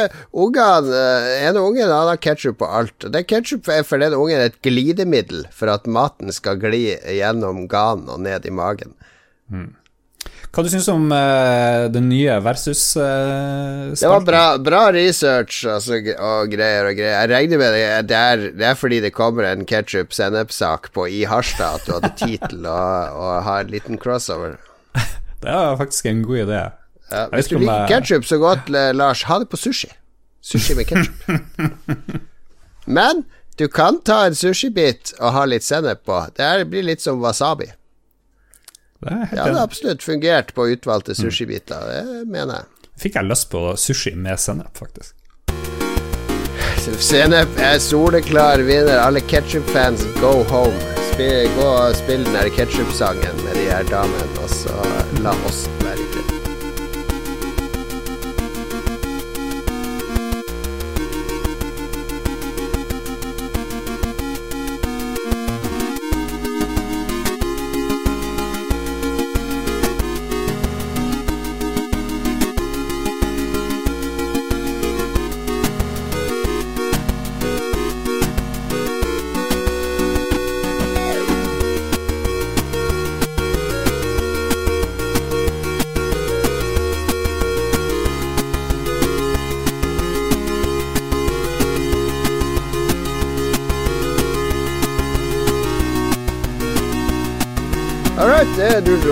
bra i land, eh, Lars. Nå har du en ny spalte. Det er jo ganske lett, det er jo bare å ta to ting, og så går du på Wikipedia, og så klipper og limer du noen setninger om de to tingene, og så er spalten i boks. Mm, ja. Det er Men- lettspinn. Skal vi be eh, lytterne komme med litt innspill på hva vi kan ha i versus-spalten? Ja, vet du hva, det var en kjempegod idé. Det skal vi gjøre. Bra. Og så skal vi anbefale ting, for det er denne spalten vi har kommet til nå. Anbefalingsspalten. Eh, hva eh, vil gi deg glede? Hva kan du gjøre i ditt liv som vil gjøre livet ditt bedre? Og du er eh, Basically er det du sier, gå ut og bruke masse penger. Ja, jeg brukte mye penger i dag. Jeg var ute i lunsjen. Jeg gikk rundt i en uh, sånn allværs uh, Ikke trening, men sånn fjellbukse, sånne greier, fordi det regna da jeg dro på jobb. Så bare ok, jeg må ha noe som tåler regn, så jeg tok på meg allværsjakka og den der eh, Ja. buksa, og den var altfor stor, fordi jeg har jo krympa litt. eh, jeg, Men du har klart å gå litt ned i det siste. ja, jeg veide jo på det meste 102 kilo da vi hadde eh, en sånn gjennomgang for en stund siden. Ja, ja, ja. Nå så vi, nærmer vi oss 85, da. Og det, det er jo ganske kult. Så nå er alle, nå er alle buksene mine for store. Um, Mm. Så jeg tenkte ok, jeg drar og ser om jeg finner noe å kjøpe. Jeg havna hos Wagner, som hadde 30 ned. Klarte å forhandle Ja. ned til 40, så det var jo bare yes, nå skal Hallo. de har òg annonser på i Harstad. Jeg, Jeg håper det. Jeg håper det. Hardt. Men da jeg gikk inn i butikken, så var det sånn hat. Jeg bare Åh, det er altfor mye her, bla, bla, bla. Men hyggelig betjening Mm. Uh, støtta meg. For jeg sa det første jeg sa, jeg hater å kjøpe klær. Jeg hater å kjøpe klær. Og så bare kom du med Ja, hva med det her, hva med det jeg hater å kjøpe klær, og jeg hater alle som jobber med å selge klær. Ja, Det det, bare det det holdt første. jeg for meg sjøl, det siste. Gjorde jeg. Ja. Og så kom han, ja, hva med den buksa den buksa? Så prøvde jeg en bukse, nja, kanskje ikke så bra. Og så fikk jeg enda en bukse, nja. Så fikk jeg en tredje, og bare whoosh! Satt på som et skudd. Følte meg plutselig som uh, liksom Følte meg så mye bedre. Og så var det til og med en sånn Hva slags, uh, hva slags type bukse er det? Er det slimfit, eller? Ja, det var, det var slimfit, og det er jo for å føle deg ah. maks, uh, maks uttelling for trening, så er det jo slimfit som teller. Nei, er, uansett hvor slank man er, så er slimfit ekkelt. den er ikke så slim, den er ikke sånn pølse, da, men den er ganske slim. Og jeg bare sjekk Sjekk hvor, hvor ikke tynn Jeg har jo fremdeles mage, og sånn der 40-årsmagen, liksom, men beina er tydeligvis litt tynne, og midja ja, går ned. Det viser, viser godt frem pipestilkene. Gjør det. Så jeg prøvde én bukse. Oi, den her var veldig bra. 33 eh, i midja, 32 i lengde. 33 i midja det var ganske lenge siden jeg har gått rundt med. Drømmen er jo 32-32, liksom, men vi får se om vi kommer dit. Så prøvde jeg en ny bukse, og den var Ja, da får du den her. Den er sånn large. Plutselig var det ikke tall. Nei, den var altfor stor. Du må prøve en mediumbukse. Jeg bare what? Prøvde en mediumbukse. Det har jo ikke skjedd på 1000 år. Ja, ja, ja. Så ja, ja. Så da kjøpte jeg den. Og så kjøpte jeg et par jakker og sånn, og ble i kjempegodt humør. Og kom på kontor og viste frem, tok på meg nye bukser, og hele dagen ble bare kjempebra. Så Eh, hvis du har litt sånn kjipe klær Vet at du får endorfin av å shoppe. Gjør du det? Gjør du det? det blir en sånn lykkefølelse. Åh, jeg elsker, elsker det. Jeg skal shoppe mye mer. Men jeg anbefaler folk å dra og handle. Og hvis du nå også har gått ned i vekt og kan liksom bytte ut gammel drit, så anbefaler jeg det. Nå er jo minus at jeg, bruker, jeg kan gå opp sånn fem kilo plutselig hvis jeg liksom ja. bikker mot. Er, er, nå, og da får jeg et problem. Den livsstilen du legger til deg nå, med å jobbe deg i hjel og sitte og spise masse feit overtidsmat og sånn, så går det fort opp igjen. Spise sushi. Spise sushi. Og så ble jeg sulten, ja. for jeg ned og kjøpte suppe. Suppe og sushi, baby. Jeg har ikke spist noe usunt, bortsett fra kaka vi kjøpte. da så, Men jeg håper det holder seg, holder seg der. Men eh, bare det å handle nye ting som du ser litt fresh ut, mm, kjempefølelse. Ja, ja. Men er det Hvor relatert er det her til å gå ned i vekt? For la oss si at du hadde est opp i vekt etter starten start av det. Å, herregud, jeg er oppe på 100 kg, alle buksene mine er for trage. Nå må jeg ut og kjøpe nye bukser. Ah, størrelse 38 i livet, ja, ja, ja, da har vi kommet dit. Ah, nei, den, den large-buksa der, sør, den må du nok ta av deg. La meg finne en XL-bukse. Tror, tror det har vært en like deilig følelse da? Kom opp på kontoret Nei. og vralta deg inn i de nye klærne. Nei, så både jeg og du driver med treningsopplegg, så vi kan jo hekte på det, da. Hiv deg i trening, det, det hjelper ja. jo òg. Det gjør det. Men det er jo strengt tatt belønninga for å ha trent er den ja. gode følelsen når du kan eh, bytte ut deler av garderoben med slankere klær. Ja, og så er det jo sånn at det å trene det gjør deg jo ikke noe sånn veldig mye vekttap. Du må jo kutte ned på driten du spiser òg i tillegg. Det er jo veldig viktig. Jeg må ete mindre og ja. ete mindre drit. Ja. Ja, så det har jeg for så vidt gjort. Nå driver jeg og kjøper sånn 70 sjokolade og sånn og jeg hater det. Jeg, bare, jeg, har så, jeg har så lyst på godt for tida. Det er helt vilt. Jeg begynte å snuse, da. Det gjør jo da man ja. et mindre. Det er jo Jeg vet ikke hvordan Hvorfor har du begynt å snuse igjen? Jeg vet ikke. Jeg hater det. Herregud, ja. Lars. Ja. Nå ødela du hele den gode historien der. At du har begynt å ta inn kunstig stimuli for å hjelpe deg ned i vekt. Fire av de fem som satt på jobb, de enten å snuse eller røyke. Det er litt sånn Det er litt unormalt. Det må jeg bare si. Det er faen meg bygda. Det er bygda. Null av null på min jobb som snuser eller røyker. Men de er jo sånne unge hipstere alle sammen der. Ja, de er uh, bevisst. Androgyne bevisst hipstere.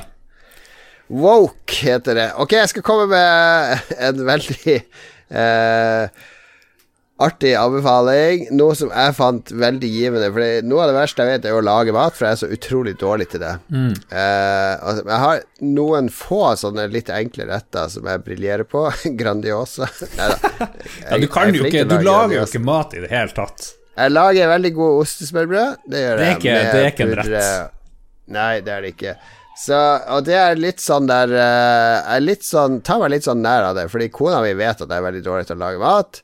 Og hun Når jeg skal lage mat, så kommer hun med sånne gode råd. Du kan heller bruke den enn den, og ikke ha varmen så mye. Og da blir jeg bare sur. Da, hvis jeg først skal lage en rett, så har jeg liksom studert en oppskrift, så skal jeg følge den mm. til punkt og prikke. 100% identisk. Mm. Og kona mi er veldig sånn at Uh, hun improviserer dette og smaker seg til og sånn. Jeg kan ikke smake meg til noe som helst! uh, og, og, la, kanskje vi skal putte i noe sånt her? Ja, men det står ikke i oppskrifta. Det er bare Hjernen min bare uh, kollapser Ja. når hun kommer og skal hjelpe, så jeg må liksom gjøre det helt sjøl.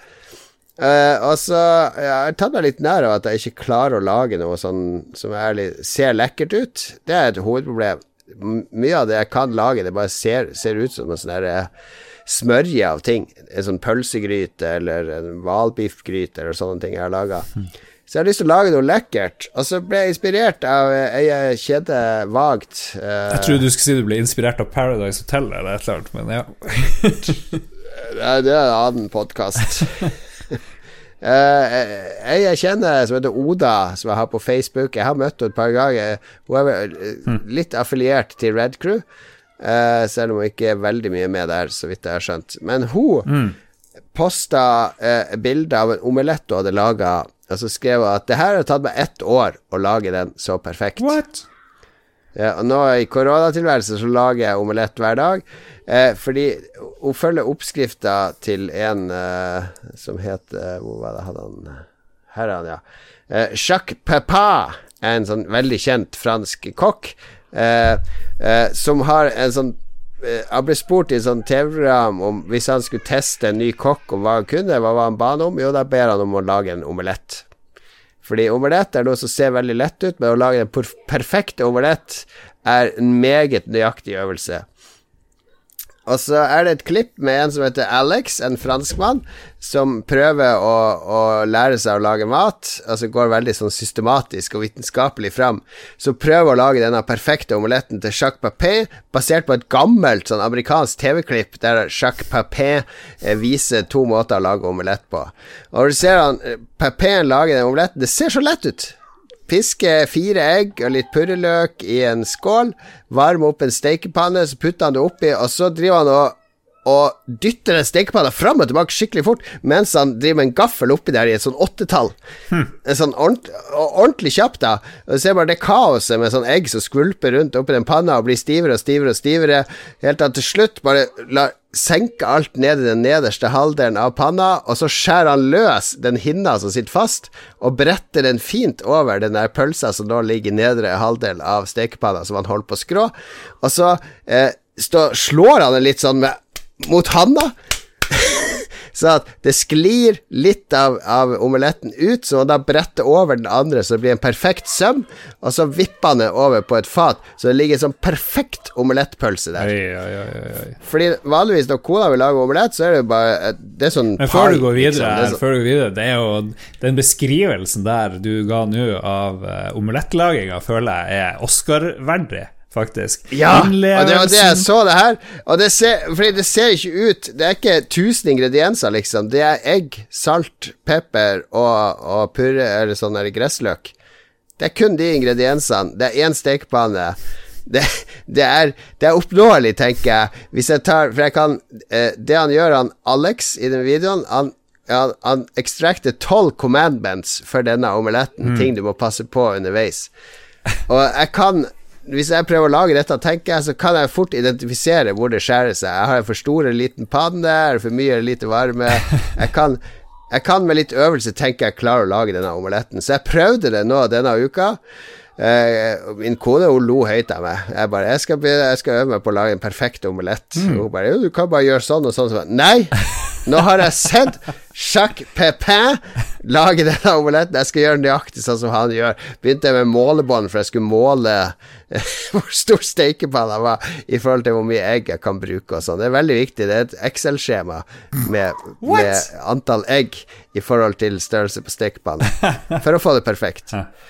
Og så lagde jeg den. Jeg trodde det skulle bli disaster mens jeg holdt på, men den ble Den ble Den ble så bra at jeg viste den til kona mi etterpå, så ble hun, uh, hun ble lamslått. Oi, hun bare, oi, oi. Har du laga den? Og så er den sånn Det var sånn perfekt med sånn hinne. Så når du skjærer den opp, så er den litt sånn eggerøreaktig inni. Mm. Bl litt bløt inni. Åh, den var så god! Det, var, det er den beste omeletten jeg har smakt. Og det er eneste gang omtrent jeg har laga en matrett sjøl som jeg har likt sjøl. Vanligvis så liker jeg aldri mat jeg lager sjøl, for jeg blir så bevisst på alt jeg har gjort med den. under tilberedninga. Ja, fordi du er jo naken Så, og mye rart som skjer. Men, eh, men. det kan være. Så nå skal jeg lage denne omeletten hver lunsj framover når jeg jobber hjemmefra bare for å øve det inn til den perfekte omelett. Og det betyr, Lars, at på neste hyttetur så skal jeg lage deg denne omeletten til frokost en morgen. Den perfekte eh, Jacques Pepin-omeletten. Jeg er sikker på hvis Magnus hører det her, han kan nikke anerkjennende til ah, Jacques Pepin! Ah, ja, ja, ja! Og den type omelett og sånn. Perfekt fransk omelett. Så jeg skal, jeg skal dele linker til uh, I anbefalingssida vår så vil du mm. finne linker til Jacques Papin og til uh, Alex, og du får hele fremgangsmåten for hvordan du skal lage denne omeletten. Og jeg kan anbefale det. Det er det beste eggeretten jeg har spist i mitt liv.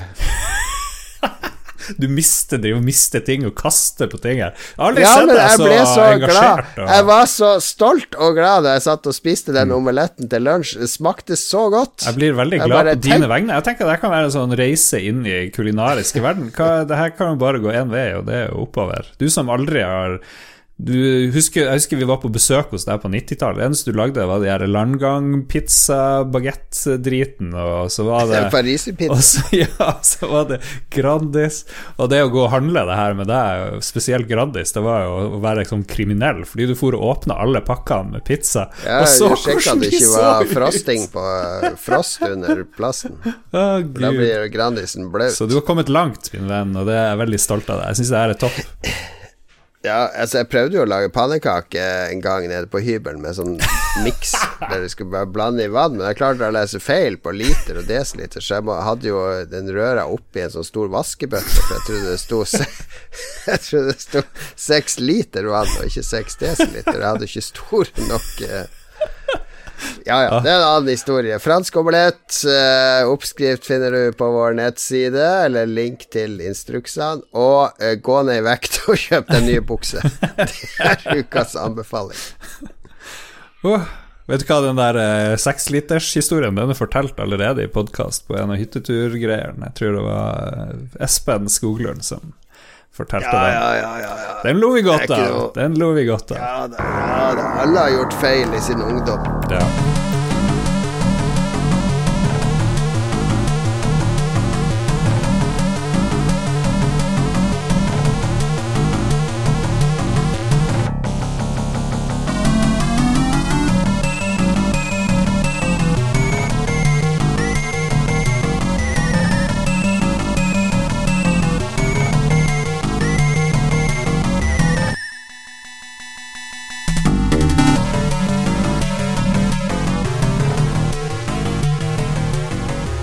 Ok, lytterspalten. Get it over with. Ja. Få det gjort, få det gjort. Ja, det, ja, da. Skal vi se. Nå skal vi spille Warzone her. Kom igjen. Kom, ja, kom, kom, eh, vi må ha en liten pause etter de første bidragene, for jeg ba jo om flere i dag. Jeg må sjekke hva vi har fått. Skal vi se, fordi jeg ba jo om eh, Ok, vi begynte uka med Spillrevyen på mandag, eh, når det her kommer ut. Mm -hmm. Så snakka vi en del om at Assassin's Creed, det nye Viking eh, Assassin's Creed, hvor nordmenn driver og angriper England og sånt, fått kritikk fra en norsk eh, forsker som sier at det her var bare tull. Assassin's mm. Creed Valhalla har, uh, har, ikke blitt noe hit hos uh, ekspertisen, for det, ting er ikke rett. Så jeg ba da folk si hva er deres favoritthistoriske spill, og i Lolbo Entourage, vår community, så ble det bare tull. Folk bare foreslo Doom, Animal Crossing, ene teite innspillet etter et annet. Så ja. Så, men noen leverte noe seriøst. Torbjørn Blir du litt sur når folk ikke tar deg seriøst? Nei, det var jo litt artig, men det var litt frustrerende. Jeg kjente kjente at jeg var 10% eller 90 irritert. Torbjørn Prøyskø han nevner Europa Universalis 6 som et uh, veldig fint historisk spill. Det fins jo mange spill som, som, er ganske seriøse, og som tar historien seriøst, men um, det er ikke Lolbua-favoritten, ifølge Entourage. Kristoffer Gettoboy Hansen Leistad, læreren, han bruker jo My Child Lebensborn, tror jeg han har brukt, uh, i undervisning. Mm. Så det foreslår han. Det er jo veldig historisk korrekt, fordi all handling der er jo basert på historier fra, mm. fra disse barna. Ja, ja. Eller de som var barn på denne tida. Absolutt. Raymond Eikos Kaspersen han påpeker at verken Assassin's Creed Origins eller Odyssey var historisk korrekt heller. Eh, områdene er kanskje ja. det, men der stopper det. Og så er jo det gode argumentet at i Assassin's Creed så driver du og reiser i tid med sånne animus og greier, så det er jo litt sånn. Men de første spillene ja. de skrøt jo av at de var detaljert fra Venezia. Ja, de hadde Ja, nå uh, det er jo uh, For det første så må vi jo Hva betyr historisk korrekt? Ja, historisk korrekt jo Politisk korrekt, tenkte jeg plutselig på. men ok. Nei, men hva, Nei, hva legger du i alle klær, korrekt? Alle karakterer, det de sier. Ja, At det har et historisk eh, korrekt utseende. Ja, for eksempel. Det har jo Assassin's Creed-spillene til en viss grad. Kanskje ja. ikke det vikingspillet, for der har jeg hørt fra hun eksperten i Pressfire at de bruker feil støvler og sånne ting. Ja, ja, ja.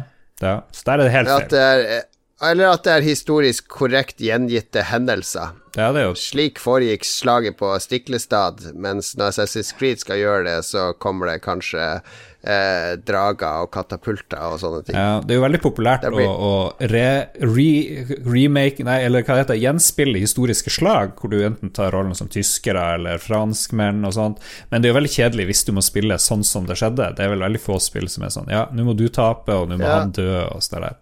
Det passer ikke helt. Jeg føler ofte at folk blander det med at det skal være dokumentarisk. Mm. Altså, det er jo ingen av disse spillene som utgir seg for å være et dokumentarisk eh, vindu inn i, i fortida. Eh, og det er jo også noe som f.eks. filmer får 'Kongens nei' eller 'Tolvte mann' eller Max Manus eller Kon-Tiki, der har det jo herja debatter om eh, at de har tatt seg friheter i forhold til manus og skapt dramaturgier som kanskje ikke var til stede i eh, Hvis du skulle laga en dokumentar mm. om de tingene som skjedde. Ja. ja. Uh, og da kan man jo spørre seg Er det jeg syns det ordet historisk korrekt er veldig Det er veldig sånn der eh, ned, ovenfra og ned-måte si nei, nei, dette er ikke historisk korrekt. Det, dette Det var ikke nøyaktig sånn. Det var faktisk regn den dagen, eh, og det er sol i den scenen her, så det stemmer ikke. Ja. Histori det, historien sier. Ja, ja. Jo, nei, det, det, jeg vet ikke. Jeg spurte nå bare. Jeg hadde ikke noe bedre å komme med. Som vanlig, som vanlig så er jo de lytterspørsmålene De er jo funnet klikka ut på fem minutter, ikke sant. Så, sånn er ja. det. Stian Skjerven, Medal of Honor, hadde et sinnssykt bra Normandie-level. Det er jo kult. Det, var, det, det, var jo, det satte jo tonen for spill i mange år fremover, egentlig, som førsteperson. Alle skulle plutselig være Medal of Honor og sånne enorme slag. Og hvor mange spill har ikke hatt den du skal inn på en uh, strand, og så kommer det en bombe, og så mister du hørselen? Og alt var kopiert fra Saving Private Ryan. Og ja, ja, ja. Spielberg var vel produsent på det her Medal of Honor. Og jeg er sikker på at det finner et eller annet forum på nett som nevner alt som er historisk ukorrekt i Saving Private Ryan òg. Helt sikkert. Og, og i Schindlers liste òg. Der har han tatt seg friheter med Schindlers motivasjon og sånne ting. Så mm. eh, er, jeg vil tro det er nesten nesten 100% Det er umulig å lage noe som er 100% historisk korrekt hvis du skal omtale hendelser eller tidsepoker. Mm. Ja. Uh, Bjørn Bjelland, Sid Meyers Pirates nevner han. Det er jo morsomt. Mm. Det er noen spill jeg glemmer. Har du prøvd å spille det på nytt? Har det noe for seg, det? Jeg, jeg elska det når det sto på som verst på Commodore 64 på disk og i skattekarter og alt sånt, men det uh, men er det, er ikke historisk korrekt, det heller. nei, nei. Men er, jeg tror den effektinga har holdt seg dårlig, altså. Det tror jeg er noe helt forferdelig. Ok, ja. Og så har du limt inn mens jeg prater her. Ja, jeg er meget sånn eh, Det er ledertips. Multitask. Når man sitter i møter, gjør andre oppgaver samtidig. ja så mens jeg prata i starten, så fulgte du egentlig ikke så godt med, men det tilgir jeg deg. Ja, men en god leder klarer å følge med mens han gjør andre ting. Nå kan jeg òg begynne å si sånne der, Eh, umotiverte lederting som ikke stemmer, og som bare tull. Nei, nå er jo, du er jo min, Jeg ser jo på deg litt som min padawan, Lars. Altså, du går litt i mine fotspor. Nå har du også tatt steget opp til oss ledere. Mm, deilig. Deilig. Det føles fantastisk. Skal vi se, du limte inn Assassin's Creed Valhalla for Pepper for å ikke være historisk korrekt. det var jo det var jo han Johannes som tulla med det der, ja, Lars. Ja. Men vi har fått et seriøst spørsmål fra Guri Lotte, eh, som lurer på hvordan vi skal bidra eh, Eller kanskje ikke oss å sikte til, men samfunnet generelt, eh, gruppe generelt, hvordan bidra til en litt mer omgjengelig og åpen gjeng Mm. når det er så høy guttastemning og mannssjåvinistiske utsagn slengt rundt. Ja, Eh, jo da, humor og så videre, men reagerer man på noe sånt, så får man som regel latter og beskjed om at man overdriver. Ikke et veldig gøy tema, men et som står meg hjertet nær. ja, vi har jo fått litt kritikk for å være litt sånn her eh, gutta boys av og til. Eller norske podkaster har kanskje fått eh, det. Jeg vet ikke om det var direkte mot oss, da. Men eh, vi er jo ikke perfekt sånn sett. Vi, vi, vi, vi har fått inn en kvinne i redaksjonen, da. Eh, Katarina Vet ikke om det har hjulpet så mye på noe som helst. Eh, Nei, jeg tror ikke det Det er jo ikke det det handler om heller. Det handler jo Jeg tror ikke det her Nei, nei, det er ikke retta mot oss, sånn sett, men jeg- jeg skjønner det. direkte mot oss. nei, nei, nei. Men jeg kjenner jo igjen problematikken i at uh, eh, du kan være ekskluderende, eller du kan være eh, Gå over streker i miljøet når du er sammen med folk eh, som, som kan ta seg nær av ting du sier som var ment som en fleip. Eh, og Det trenger ikke nødvendigvis være guttastemning, selv om det er ofte guttastemning og mannssjåvinistiske ting, men det kan være andre krenkende ting om rase eller opphav eller en slags kulturell ignoranse.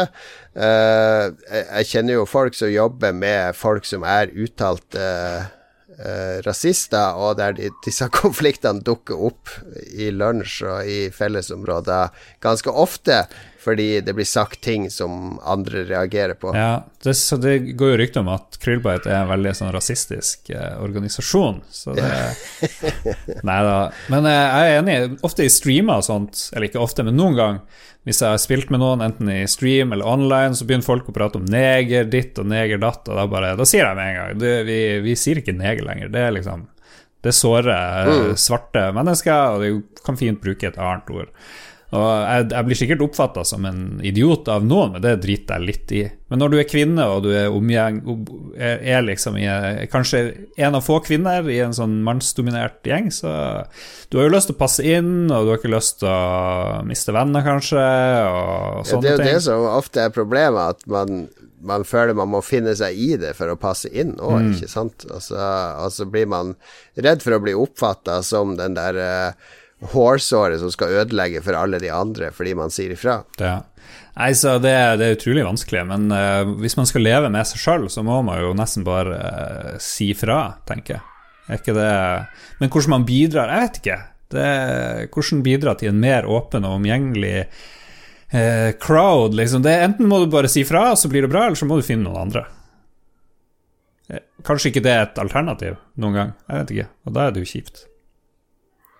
Ja, jeg syns det er kjempevanskelig. Jeg syns det, det Eller i jobbsammenheng eller i sosiale settings og sånne ting, så syns jeg ikke det er vanskelig. Det er veldig sjelden Altså, den spillbransjen jeg jobber i, er veldig generelt ganske inkluderende. Vi har kvinnenettverk og sånne ting der, eh, men jeg føler i hvert fall at jeg ikke er en del av problemet der, selv om jeg, jeg tikker alle boksene med mann, hvit mann, privilegert mann i 40-årene. Ja. Uh, så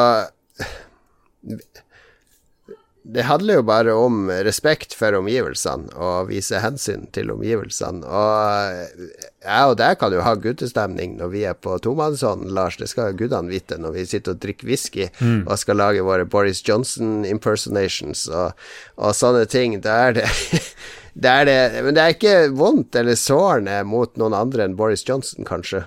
Ja. Hello, John Cato. This is Shut the fuck up! Shut the fuck up! Shut the fuck up, man! I shall leave Så- now. Yes, please do. Det var min Corbyn-impression. Ja da, ok. Eh, nei, men det er ja.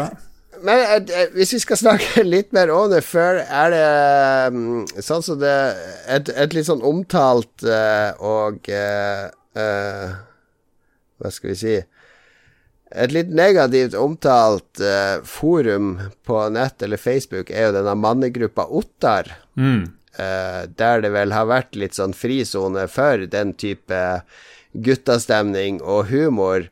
Eh, er det Bør vi fjerne alle sånne forum, eller er det greit at menn kan ha mm. den der lavpanna idiothumoren uh, sin ikke ja. ja, i, i, innenfor Jeg, jeg føler at mannegruppa Ottar handler jo ikke så mye om humor. God humor er jo god humor. Du kan jo spøke med ting, fordi de du sier humor til, de vet at det du sier, det er egentlig ikke det du mener. Så konflikten ja. og humoren kommer i at man sier noe litt sånn outrageous. Og Av og til kan det gå over stokk og stein, men ofte er det jo gøy. Ofte kan det være gøy. Mannegruppa Ottar er jo genuint Eh, litt sånn sur på kvinner, kanskje litt sånn incel-aktig. Mm. Føler at deres rettigheter blir tråkka på. Altfor mye kvinner får oppmerksomhet. Så det er jo mer der det, det går, og da, da, er de ute og kjører. Og det, yeah. det syns jeg ikke noe om. Men eh, hvis en, en, kompis forteller en sånn, sånn derre 'hold dama bør holde seg på kjøkkenet'-vits, så kan jo jeg flire av det, liksom. For jeg vet jo at han mener egentlig ikke det, men noen ganger så kan det være litt sånn der, Det kan være litt morsomt kan være morsom. Det er jo et En ting som jeg har lest om, er jo f.eks. at uh, menn som sliter følelsesmessig uh, det, det, er vanskelig altså, Psykiatrien, eller det å gå og få, få hjelp uh, At mange føler at det er liksom Den hjelpa er skreddersydd for kvinner, på en måte. Fordi det handler veldig mye om å prosessere følelser på en måte som eh, kvinner kanskje syns er behagelig å prosessere følelser, mens det er mindre forståelse for at eh, menn kanskje har en annen måte å prosessere følelser på gjennom f.eks. rølp eller humor eller utagering eller mer eh, eh maskuline måter å, å, bearbeide ting på. Mm. Skjønner du hva jeg mener? Jeg skjønner hva du mener. Du, jeg er ikke noe ekspert på det her, men Du generaliserer jo, men jeg skjønner jo poenget ditt. Ja, ja. Jeg, har i hvert fall hørt og, og, lest det at for mange menn så er, føler de at de ikke får hjelp i psykiatrien fordi de må eh, fremlegge ting og prosessere ting på en måte de føler er unaturlig for dem. Ja. Men det, det jo an å lære å snakke om følelser, egentlig. Jeg vet ikke, Min familie var aldri noe sånn stor på å snakke om følelser osv. Det var jo først jeg havna i terapi og sånt pga. generell eh, generelle angst og liksom påfølgende depresjon, så ble jeg jo mye flinkere til å kjenne igjen følelser og sortere de og sånn. Så jeg vet ikke, med litt hjelp og, og, guidance, men du må jo ville det. da. Hvis du er lukka og liker det og ikke tør å ta tak i følelsene dine, så er jo det et problem. men ja, ja. Skole passer jo mye bedre kvinner, eller de gjør det mye bedre. Mange flere tar høyere utdanning osv. Det er jo mye som passer kvinner bedre, kanskje også terapi og, og, helsevesen og sånne ting. Men jeg vet. Jeg vet ikke, jeg føler ikke at det er kvinners skyld, liksom. Og, Nei, ja, det, er, det, er ikke det at det er skyld, men at det kanskje er litt underutvikla. Mm. At vi kanskje ikke i like stor grad ser eller har respekt for Ok, kanskje vi nå skal ta for oss hvordan, hvordan skal vi hjelpe menn med problemer, at menn får bedre liv? Fordi nå er det jo Jeg har jo tre gutter, og jeg, jeg ser på all statistikk, så tenker jeg det er mye større sjanse for at de havner i fengsel, at de begynner med rusmidler, at de eh, blir tapere på skolen, at mm. de ikke får førstevalget i utdanning og sånn. Jeg skylder jo ikke på kvinner for det, men jeg, jeg ser jo at ting er ikke i like stor grad tilrettelagt. Eller de De er liksom mm. Du, Statistisk sett så, så ja. stiller de dårligere enn en jentene i klassen. Ja. Men det er jo litt opp til deg da å lære ungene dine å prate om sånne ting. Og, ja. ja. Ja, ja, det her ble Men det er et komplisert uh, tema. Ja. Det ble veldig komplisert. La oss gå tilbake til å snakke om omelett. Nei, men det var veldig bra spørsmål, Gulatt. Det er noe jeg tenker på veldig ofte.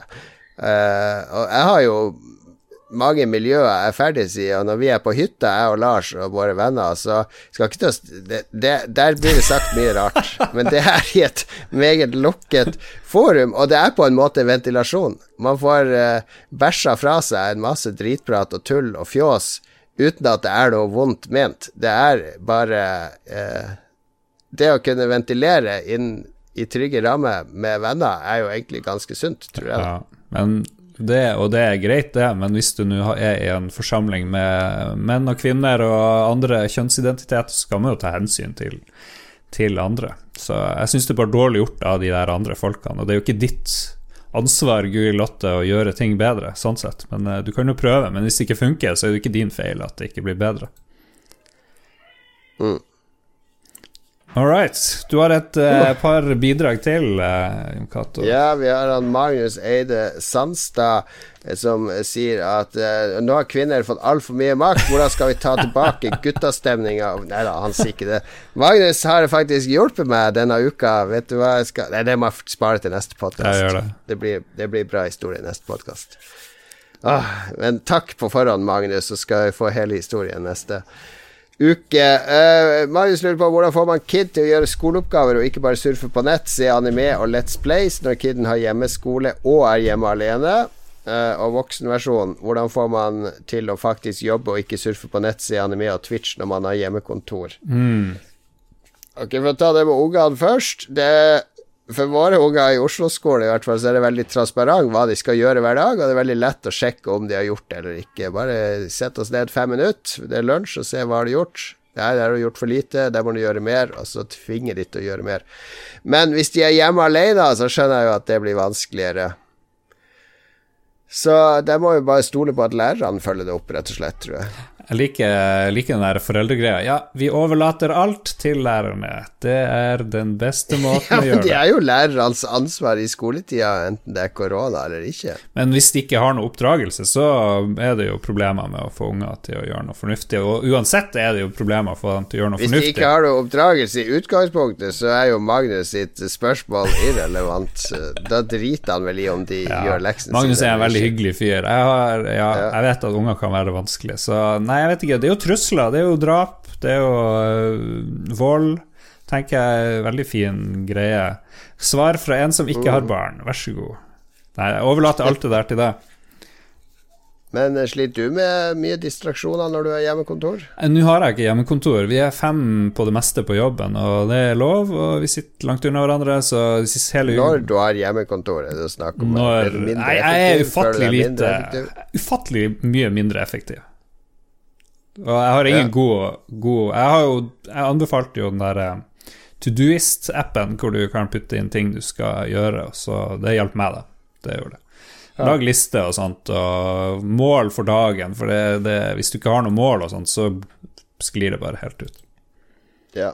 Og Jesper. Ja, det begynte å bli litt alvorlig her, og så videre. Skal vi se ja. ja. Tenk å ødelegge den gode guttastemninga vi har hatt i hele episoden med så mye alvor. Guri Lotte fucka opp hele driten her, altså. Nei, det, ja. må, må, vi si når vi tuller? Jeg vet ikke. Jeg blir litt sånn forsiktig her. Stian A-skjerven blir neste konsollgenerasjon den siste, og det er jo en klassiker. Svaret er ja. Ja. Svaret er ja. Svaret er ja. Sånn, ferdig med det. Ferdig med det. Nei ja, det hvis, blir, hvis streaming blir standard, så blir det vel det. Hvis ikke, så Jeg tror alltid det var et marked for uh, kraftmaskiner, men det blir kanskje som vinyl, LP og sånne ting. At det blir for spesielt interesserte som fortsatt skal ha mm. egen maskinvare som kjører spillene. Ja, hvis den der eh, Fifa og Gears of War-crowden får tilstrekkelig streamekvalitet, så jeg vet ikke. Hvorfor skal, hvorfor skal man gidde å ha en konsoll? Når man bare bryr seg om ett spill, eh, f.eks. Hvorfor skal det én maskin for ett spill? Det gir jo ingen mening. Mm. Helt enig i det. Helt enig i det. All right, da er vi ferdige. Og Jon Cato leter nå opp en ny omelettoppskrift uh, som han skal prøve å fortelle om. Nå skal jeg sjekke Jeg har bestilt en sånn headset på Herregud, det er headsetet ditt. For, for, for en og en halv uke, når de hadde sånn Vi kan ikke, kan ikke snakke Earth. om dine problemer med elkjøp uh, i tre timer. Ja, det, det, er så det, Jeg blir helt gal av elkjøp, altså. Ja, jeg har et bidrag her helt på slutten. Jeg spurte i Entourage ta og rangere eh, ketsjup og sennep. Eh, hva er din favoritt? Og vi har fått 50 svar. 53 svar. Sennep fikk 21 ja. stemmer, ketsjup fikk 32, så det det, det er jo sånn forventa. Men jeg trodde det skulle være mer overvekt av ketsjup. Det tror jeg. 32 ketsjup, 31 sennep. Jeg, jeg, har blitt overbevist av Magnus om at sennep er selvfølgelig best. Det er det. Helt klart. Og det, det som denne deilige avstemningen har gjort nå, er jo at nå kan vi jo skille hvem som er vulgære fjols i Lolbua Entourage, og hvem som er de litt mer kultiverte mm. gourmetene. Ja. Yes. Våre sponsorer, produsenter som har blitt det fordi de gir oss en absurd sum på Patrion, er TTMXMP, Kobrakar84, Rolf Helge Øvergård Ingebrigtsen og Anne Beth. Tusen takk til dere. Eh, Anne Beth var du med og streama denne uka, var ikke det? Ja, Seven Days To Die. Det hørtes ut som vi hadde det veldig gøy med Ståle, Philip Det og tilbudet er åpent til alle våre produsenter hvis Miss de har lyst til å være med og det. spille. Ja. Uh, alle er nerder i vår uh, Patrion, de får lov å spille med folk. Det gjør selvfølgelig andre òg, men hvis du er nerd, så får du 100 tilgang. Lolbua, hva det Patrion.com slash lolbua. Gi oss noen kroner hvis du har råd. Hvis ikke, så som Jo bruker å si, bruk heller penger på deg sjøl nå i en vanskelig tid. Tenk på alle som er permittert. Det, det glemmer jeg litt av, av for ofte. Mange som har det kjipt. til og med, hvis du har masse penger som brenner hull i lomma di, så kan du til og med abonnere på I Harstad. Åh, nice, nice, nice. Spillrevyen hver mandag. Finn vår Discord, finn vår Twitch-kanal, finn lolbua.no, hvor Jon Cato driver og blogger litt. Jeg tenkte også jeg skulle blogge litt. Jeg fikk plutselig lyst til å bidra. Jeg drev og tenkte på et eller annet. Jeg glemte det allerede. Men uansett, sånn går nå dagene. Eh, har du noe mer? Du kom på én blogg, og så har du glemt det Ja. allerede. Det, gode venn, du må komme på fire om dagen. Ja, nettopp. Eh, så var det noen som followa, derfor kom den lyden med i episoden. Vannebo92. Skal vi si noe mer før vi stenger av her? Nei, hold dere trygge og følg råd fra myndigheter og eh, spill. Spill. Vi lover å bli enda mer oppdatert på nye og ferske spill, ikke sant, Lars? Absolutt. Jeg lover ingenting. jeg skal prøve, jeg skal prøve. Veldig koselig episode. En av mine favoritter i 2020, er faktisk det her. Jo, takk, takk. Vi er, uh, vi er best når vi ikke er polyamorøse. Altså når det bare er oss to som koser Lars. Ikke når vi skal være polyamorøse med resten av det. Ja, det er veldig gøy med, med Katarina her òg, husker jeg. Um, ikke så mye med Ståle. Nå begynner du å nærme deg far nær guttastemning. Ja, vet du hva, jeg, jeg tuller, jeg tuller. Jeg elsker Ståle og Philip og Christian og Dag Thomas. Um, du, du skulle jeg skli over i sånn her Nå er du livredd for at du har glemt sikkert Nå sitter. Mats bare Han elsker ikke meg! Han elsker ikke meg! Ja, men Mats, Han elsker bare de andre. Mats var jo den første som var med av oss, så ja, ja. Etter at Magnus slutta, så Nei, takk til Magnus for bidrag, takk til resten av redaksjonen. Mm. Uh, 308 blir neste episode. Den kommer faktisk Er det ikke 17. mai straks? Eh, ja ja, ok, kommer den 17. mai? Nei, i dag er det fjerde, så om en uke så er det Ok, vent litt. Fjerde, femte, sjette pluss syv Ja, det er enda lenger til 17. mai.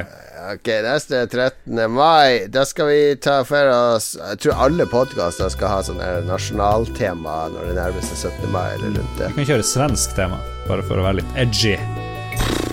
Nei, det, vi, vi får finne på noe til neste gang. Send forslag hvis du har tema, sånn som Guri gjorde med guttastemning. stemning. Det kunne vært en hel episode om guttastemning. Det kunne uh, Ja. Ja. Vi skulle hatt en kvinne med her da og diskutere det òg.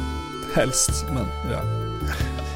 Den måten du sier én kvinne på, altså det løser alt. Hvis du bare får én kvinne inn, en hvilken som helst kvinne inn, så vil det Da vil det bli en bra diskusjon. Da blir det bra.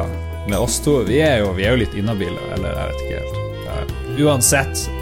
Fuck it, nå babler vi. Vi klarer ikke å avslutte denne episoden. Hvordan er vi inhabile? Vi er jo en del av problemet. Vi, jo, vi ser jo ikke oss sjøl så veldig objektivt. Gjør vi det? Eh, Jeg ser deg veldig objektivt. Jeg må få meg nye briller. Jeg har litt issues med det. Ok, vi, vi har avslutningsvegring som vanlig. Nå speeder vi opp, så kommer orgasmen. Øh, Og så sier vi ha det! Orgasme? Hvor det kom fra?